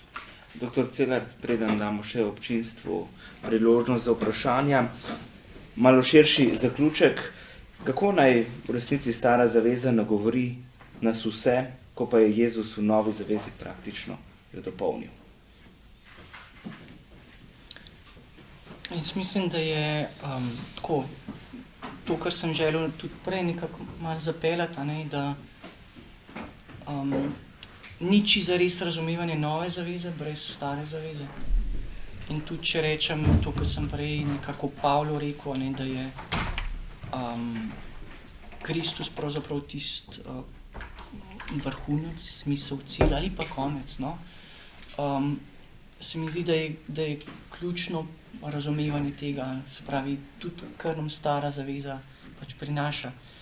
Um, in prinaša nam pravzaprav um, zelo veliko, v smislu, nas hrani, tudi če nas kristijane. Um, med drugim, ne, samo je prej menjal Levi, Levitikus, ne, se pravi odnos tudi do bližnjega. Uh, recimo, meni osebno je recimo pač blizu prerok Izaija, ki v 58. poglavju na nek način uh, govori o postu in beremo potem tudi mi ponovati o postu, ne, pravi, ne gre brez stare zaveze in tudi ob pravzaprav vsako nedeljo vidimo, kako si podajata prvo staro zavezno berilo z evangelijem. Ne. Ampak se vrnem nazaj na Izaijo 58 ne. Uh, in tam Bog reče temu istemu ljudstvu, ne. Um, pač brez veze je ta vaš post. Ne. Um, dokler tako rekoč postavlja pogoj odnosa s samim seboj Bog, dokler ni vzpostavljen odnos do pač sobrata oziroma so človeka, pač ne more biti čisto res odnosa z menoj. Šele takrat bo z, zažarela tudi noč, kot bi bil dan ali tako naprej. No. Se pravi, se mi zdi, da so um, tako močne zadeve, uh, ki, ki nas nagovarjajo, kristijane, um, začenši pač, bomo rekel, prve strani svetega pisma, ki nas hranijo v razumevanju tega, kdo Jezus je, um, in ki nas hranijo pač tudi kot, kot ljudi. Mogoče ta misel. Ne? Samo je prej o Pjerihi govoril o liturgični uh, figuraliki številke sedem. Ne? Za judovski svet je to nekaj ključnega. Uh, njihova sobota, sedmi dan, ne? pomeni počitek. In um, meni je bilo, bom rekel, ena stvar, ki mi je dala v tistem kratkem bivanju v Izraelu, leta nazaj, um, mi je dalo misliti. Um, ko sta, e, bom rekel, za sošolce sem imel eno ultraortodoksno judinjo iz Avstralije, ki sta bila z možem tam. In pač ob sobotah internet za njo pač ni obstajal. Ne. In so jo ljudje spraševali, kako ona to zdržita. Ne. In ona dva sta dala odgovor, kako vi zdržite, pač ne drugače, kot se pravi, kako uporabljate skozi uh, te zadeve. In zdaj uh, se mi zdi, recimo ravno to vprašanje sobote, svetega prostorja in časa, uh, kjer, kjer se ti stvari ustavijo, da jih lahko ovrednoti, se zahvališ in jih blagosloviš, se mi zdi, da je to za nas, zahodni svet, kako. Um, stvar, kjer bi se lahko naučili nekaj. Pozabljamo na to. Pozabljamo na to, to sem hotel s tem reči. Tako je. Dobro, ostalo nam je v bistvu še dobrih 20 minut časa, da zdaj vi postavite vprašanje. Tako da lahko kar počasi in pogumno. Naj vas ne bo preveč. Če ne, se bomo pa še mi malo pogovarjali, ampak... Aha, evo, vprašanje. Smeti, da se z vprašanjem, ali je Bog stari zavede uh, res nasilen, uh, se s tem vprašanjem zelo tesno uh, vprašanje, uh, ali Bog kazuje, ali pa recimo, ali Bog stare zaveze kazuje, ali pa sploh, ali Bog kazuje. To še bi v tem.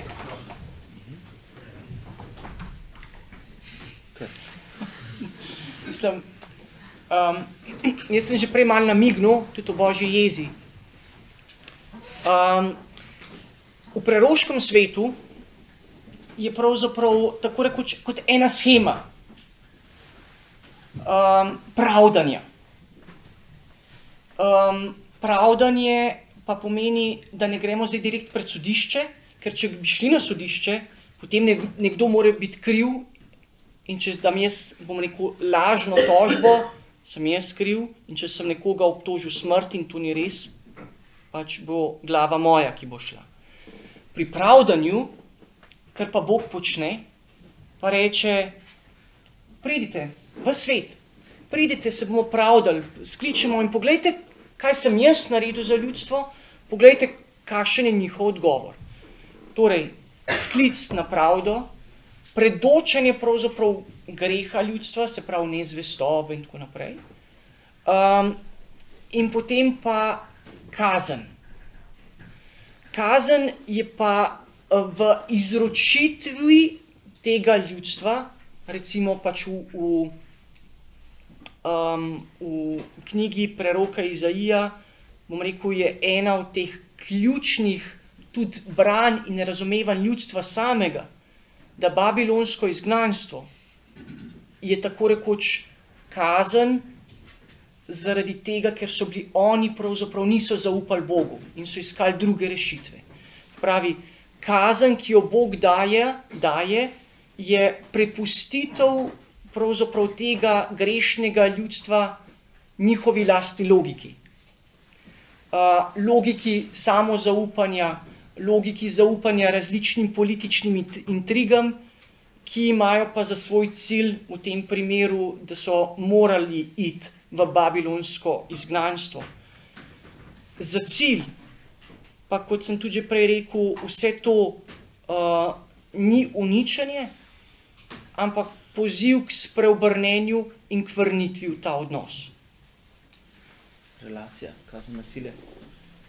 Ja, mislim, se vsekakor strinjam, um, je povezano.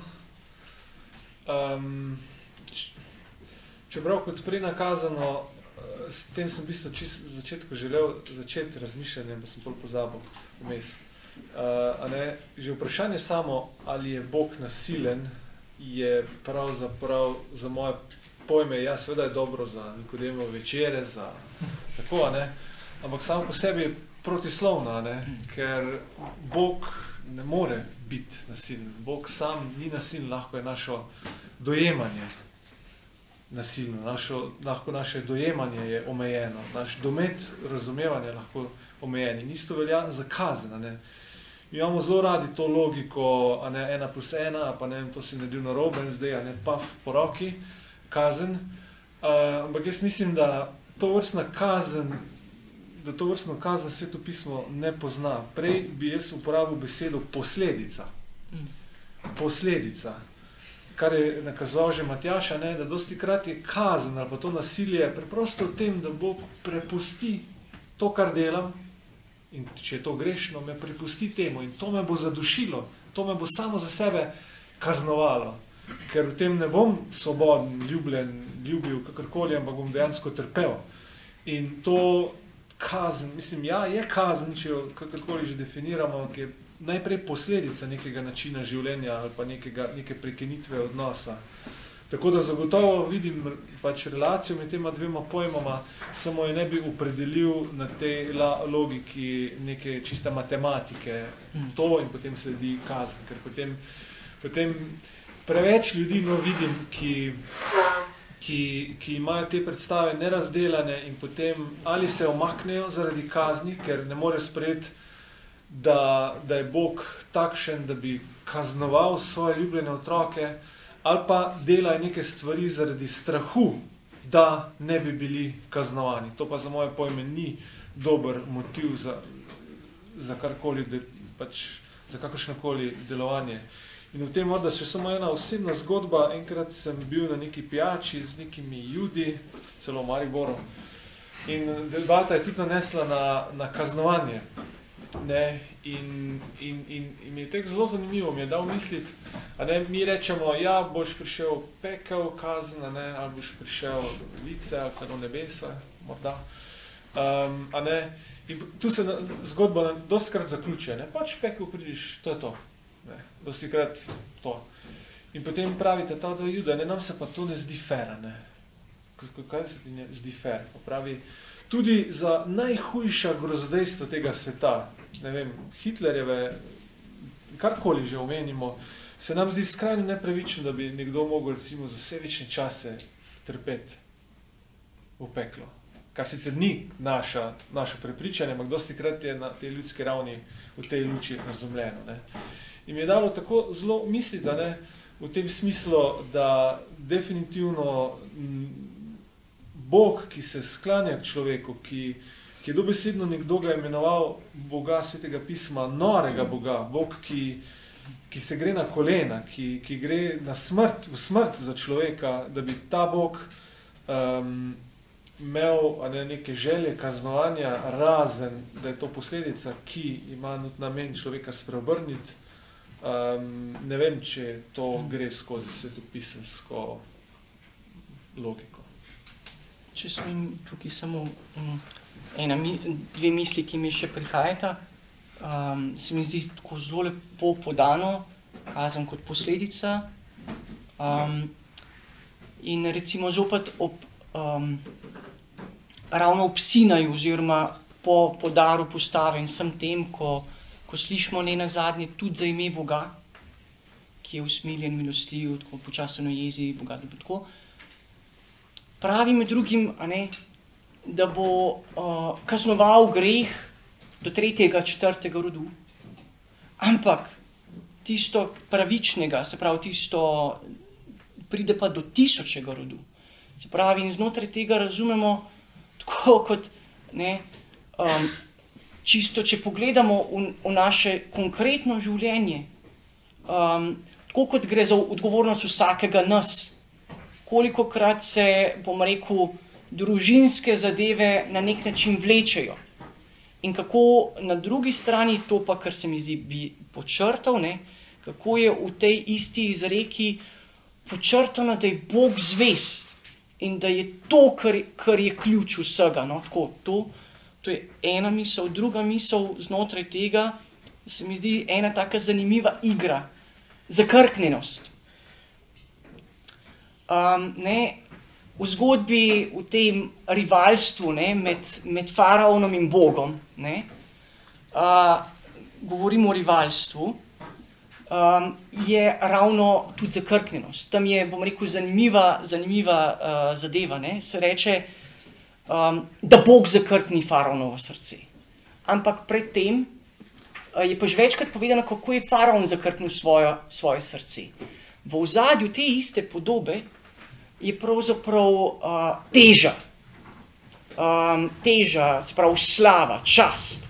Kot da bi rekel, uh, falo, faraon in Bog na nek način, uh, ne, faraon izziva Boga in pol Bog reče, prav, pa pej vas, greva na tehnico. Ne. Uh, in seveda, uh, bom rekel, rezultat tega je, da faraon se zakrkne, rešuje na svoj način, izgubi vse, na koncu pa prepozna, um, pride do spoznanja Boga. No. Tako, v tem smislu, iz, te, iz tega želim samo to izpostaviti, um, da, da cilj uh, je spoznanje Boga. To. Še kakšno vprašanje? Ja, me zanima. Um, prej smo malo se dotaknili te vojne iz tega filma.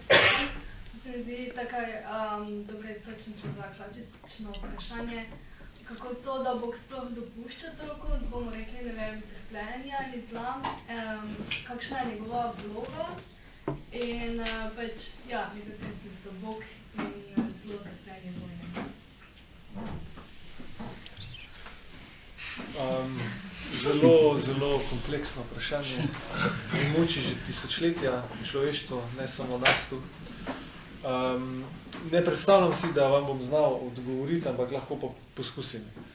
Um, prvič, ne vem, ne vem, če je v domeni človeka, da bi lahko vse, vse to, kar se dogaja na svetu, razumel, pa znal čisto razložiti. ne. Jaz sem vedno bolj prepričan, nisem še tako star, ampak z leti se mi zdi, da pravzaprav smo narejeni tako, da, da ne vsega vidimo, da ne vsega razumemo, ker drugače bi se preprosto, če zdaj malo ovinkam, zaovinkam stran, ampak če bi recimo na začetku študija videli naprej vse neprespane noči, vse strahove, vse težave, kdo bi še se odločil za študij? Če bi na začetku zakonske zveze videl vse težave z otroki, vse kar bo, pa tudi lepe stvari, kdo bi se še odločil za zakon? Se mi zdi, da človek na nek način je načrtno, mu ni dano, da bi vse vedel in vse dal raznožiti. Se pravi, da je tu tudi ena, ena komponenta, ki je sodobni svet zelo pogreša, se mi zdi, ali pa ignorira, to je, eh, da se kakšne stvari tudi čudimo, ker jo ne razumemo in je tudi ni namenjeno, da do natankosti znamo secirati, ne? da se kak, pred kako stvarjo tudi ustavimo, se čudimo, molimo in tako naprej. Um, zakaj, so, zakaj Bog to dopušča? Jaz bi rekel, prepro, mislim, najpreprosteje bi tako odgovoril, da dopušča za tega nasilje, krivice in vse take stvari, ki ste jih omenili in ki bi jih lahko še naštevali in naštevali, um, zato, ker, uh, ker dopušča oziroma predpostavlja svobodno voljo.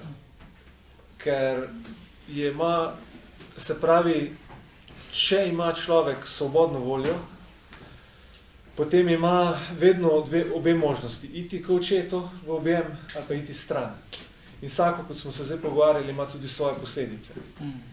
Um, in, in, če, in če jemljemo resno to svetopisansko predpostavko, še posebej novo zavezno, da je Kristus os, osvobodil človeka, da naj bi bil človek svoboden, čeprav vemo, da je to omejeno svoboden, um, da če predpostavljamo svobodno voljo, to pravzaprav ni več toliko vprašanje, zakaj to Bog dopusti. Če je enkrat v tej spremenljivki uh, človekova svobodna volja, ki lahko Božjo ponudbo spreme, lahko je pa tudi zavrne, uh, je, to, je to pravzaprav za moje pojme saj odgovor za karkoli se dogaja na svetu, lepega ali pa tudi grdega krivičnega, krvavega. Uh, definitivno sam saj v svoji veri in v svojem vedenju ne bi mogel pripisati nasilje uh, te, te vojne, teh vojn, preteklih vojn ali prihodnih, recimo Bogu ali pa njegovi v smislu, zakaj dopusti, zakaj tak Bog, da to dopusti. Ker se mi, meni osebno se zdi, da če, če, če nismo aplikacije, ker delujemo po nekem algoritmu, če smo torej svobodna bitja, uh, bo do takih deviacij vedno prišlo. In meni se zdi, da je svetopiseski avtor hotel to pokazati na zelo očiten način za zgodbo o rajskem vrtu. Bilo mu je ponujeno vse, uh, raj, dobesedno, ampak izbral je drugo pot. Rekel je ne, je šel ven e, in je bil izgnan. In ta zgodba je postavljena na čisti začetek svetega pisma. Hoče povedati, da je te nekaj arhetipskega, nekaj izvornega, nekaj elementarnega, um, zakaj prihaja do, tega, do teh stvari na svetu. Je pa še ena stvar, kar je zanimivo. Svetopismo, saj v, v, v prvi Mojzesovi knjigi, recimo kasneje že v drugih knjigah, ampak zanimivo ne poroča, zakaj je zlo na svetu. Poroča, da je zlo na svetu, ne pa odgovori na vprašanje, zakaj. In se mi to tudi zdi, če se vrnem na začetek, da, da ni namenjeno, da, da človeku pravzaprav ni namenjeno, da čisto vse, da bi bil zmožen vse tako znanstveno sicirati, ker v končni fazi, še samo tole, pa končam svoj odgovor, dolg, um, recimo v Novi zavezi, um, v kateri je več uh, Matjaž govoril, imamo tudi um, ene osebe, nekaterih ne bi imenovali osebe, demone, hud, hude, hude duhove, obsedene in podobno, ki, ki zanimivo zelo, zelo, imajo vel, zelo veliko znanja. Bodite pozorni, berite njihove odgovore Jezusu. Kaj citirajo? Citirajo sveto pismo. Noben od nas tukaj prisotnih ne zna toliko svetega pisma na pamet kot tisti hudi duhovi. Ampak na drugi strani pa učenci, ki so totalni nule, skoraj vedno, kar se je šlo možno, so brcnili mimo. Pa vendarle oni grejo za Jezusom, hudi duhovi pa ne. Se pravi, veliko znanja še ne pomeni pripravljenost hoditi za Kristusom, spremeniti življenje. In se mi zdi, da je to omejitev in blagoslov človeka hkrati, se pravi, da je v bistvu omejen. Uh, mislim, da je tako tudi, vsaj po mojem skromnem mnenju, da je tako prav. Če smem tle samo eno misel, ki mi je ob tem zrasla. Um, po eni strani veličina Boga, ki sprejema in ki zmore iz naših krivin narediti eno zgodbo za življenje. To je ena misel.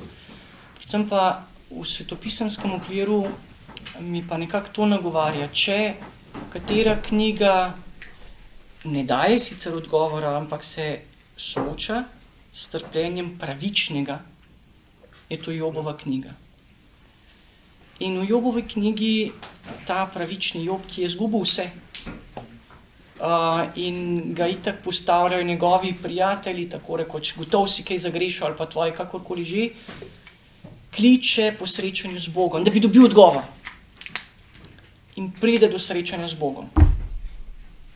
Bog ga pelje samo, da pogleda stvarstvo, da pogleda tudi tiste leviatana, vse, ta kaos, kar Bog vse drži v rokah, ne, vse, kar je v celo stvarstvo. In v končni fazi, jo, ko mu Bog dvakrat odgovori, pa mu celo reče, no, lej, ne, Almighty Bruce, prav boš pa ti mal vodil, ne, te stvari, in pač jo preče, nisem premajhen, ne gre. Odgovor na to je pravzaprav skrivnost božje tišine, ampak še ena stvar se mi zdi pa zanimiva. Bog nekje da odgovor. In sicer da svoj da v svojem sinu, ki je edini zares pravični, trpi za nas krivične. Ampak potem je še ena zanimiva stvar. Da svoje življenje za krivične. Um, krivičnega poje smrt, če govorimo o simbolni govorici.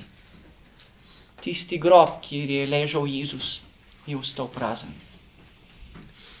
Um, ravno s tistim vidikom, ki sem prej rekel, v popolni izrečenosti Bogu. Tako, to. Okay. Morda za konec še kakšno kratko vprašanje. Če se navežem na prejšnje vprašanje, se pravi, človek izkuša trpljenje, izkuša zlo, um, kakšno mesto ima pa uh, tožba um, v našem aktualnem kontekstu. Se pravi, vemo, da je tožba oblika molitve, v svetem pismu, v žalostinkah, v psalmih, kjer človek, ki trpi, ki doživlja krivico, to krivico prinese pred Boga. In večkrat se sprašujem, koliko ima tožba mesta uh, v naši uh, izkušnji.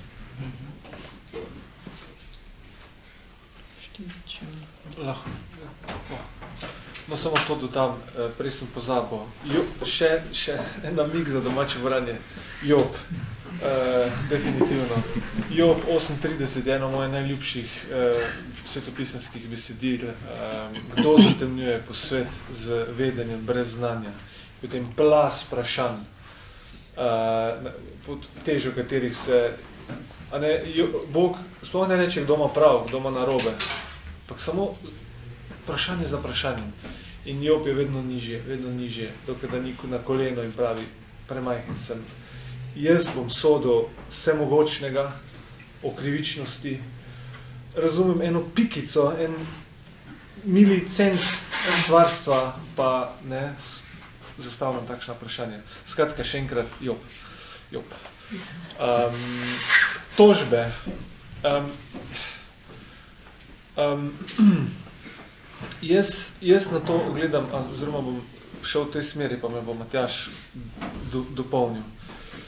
Lepota svetega pisma ali pa stila svetega pisma je po mojem mnenju v tem, da pusti človeku, da diha.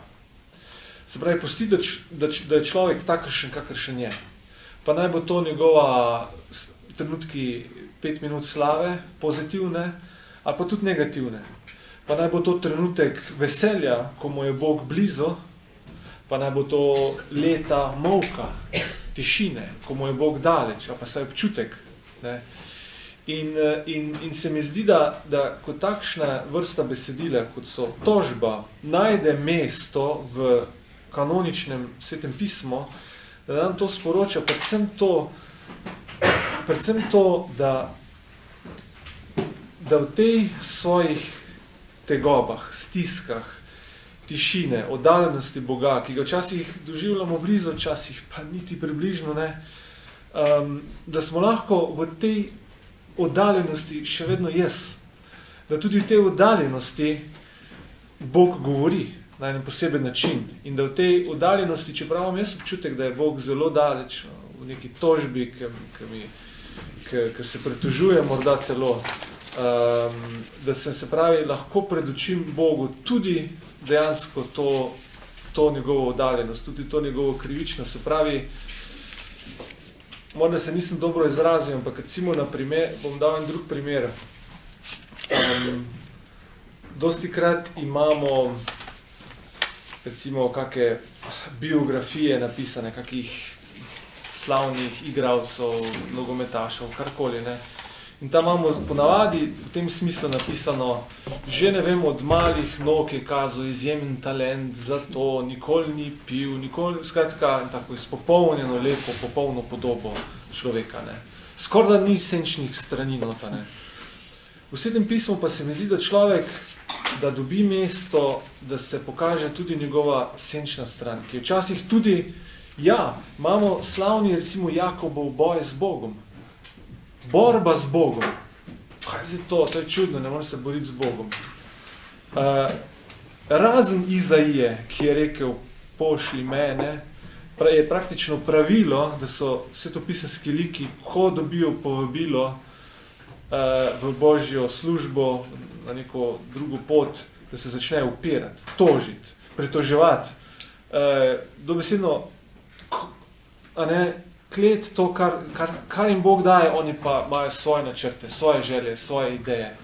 In v tej tožbi se mi zdi, da se predvsem pokaže, da Bog upošteva člo, človekovo celovitost, ki je tudi včasih, sploh na prvo žogo, a, tega pa ne bi, tega pa nočem, to pa ni za mene, to pa sploh ni za mene, uh, bom šel kot, kaj že bil, uh, oni, Jona, namesto levo, desno, namesto tja, v, skratka, za mene najprej to govori, pa verjamem, da me bo Matjaš, ko si že pripravila, še dopolnil. Ne, pač recimo pri Jonu, no, mi je že samo to, no, tako zanimivo, a ne, kako Bog Jona vzgaja. Dopusti, da dobi tisti ricino sogaran, kakorkoli že. In da pol ti izgubi. Da na svoji koži izkusi, kaj to pomeni, da zgubiš nekaj, kar ti je dragocenega. Zdaj, Marko, če sem te nekako prav razumel, um, si mislil pač tožbo tudi kot uh, salmi in prekatori, v, v tem kontekstu tudi. Um, se pravi, tožbeni psalmi, kjer se zopr nasprotnike tako rekoč iz, izlije gnev. Ne. In preberem samo par vrstic iz psalma 69. Moje slabe oči in vendar. Um, reši me Bog, kaj ti voda mi že sega do grla, progreznil sem se globoko v blako, blato in ni trdnih tal. Potem pa vrstice naprej. Ne, uh, ti poznaš moje nečasti, pol pa pravi. Njihova miza naj postane pred njim zanka, ko so v miru, naj postane pas. Naj jim utemnijo oči, da ne bodo videli, da jim bodo ledja vedno majava in tako naprej. Um, ne, v bistvu znotraj tega se mi zdi samo je tako lepo rekel, ne, koliko je lepo, da vse najde mesto noter. Tukaj se mi zdi pa mene osebno tukaj to nagovarja. Ne. Jaz jih bi pokončal. Ampak to sem jaz. In zdaj točno to, da mi jaz gospodu, da mu rečem, da je to ti nared. Ker jaz, jaz bi vzel sekiro pa naredil, ampak pač bo, na, bo napak, ker ne vidim. Če pa rečem, dej tih, dej tim, naredi karkoli, pa vem, da to tebi izročim in bo nekako na drugačen način se zgodilo. No, to recimo bi bil v tem kontekstu, bi tako videl. V novi zavezi, pa mogoče sam s tem, no, mi je prišla ta misel, ne, apostolska dela. Hm.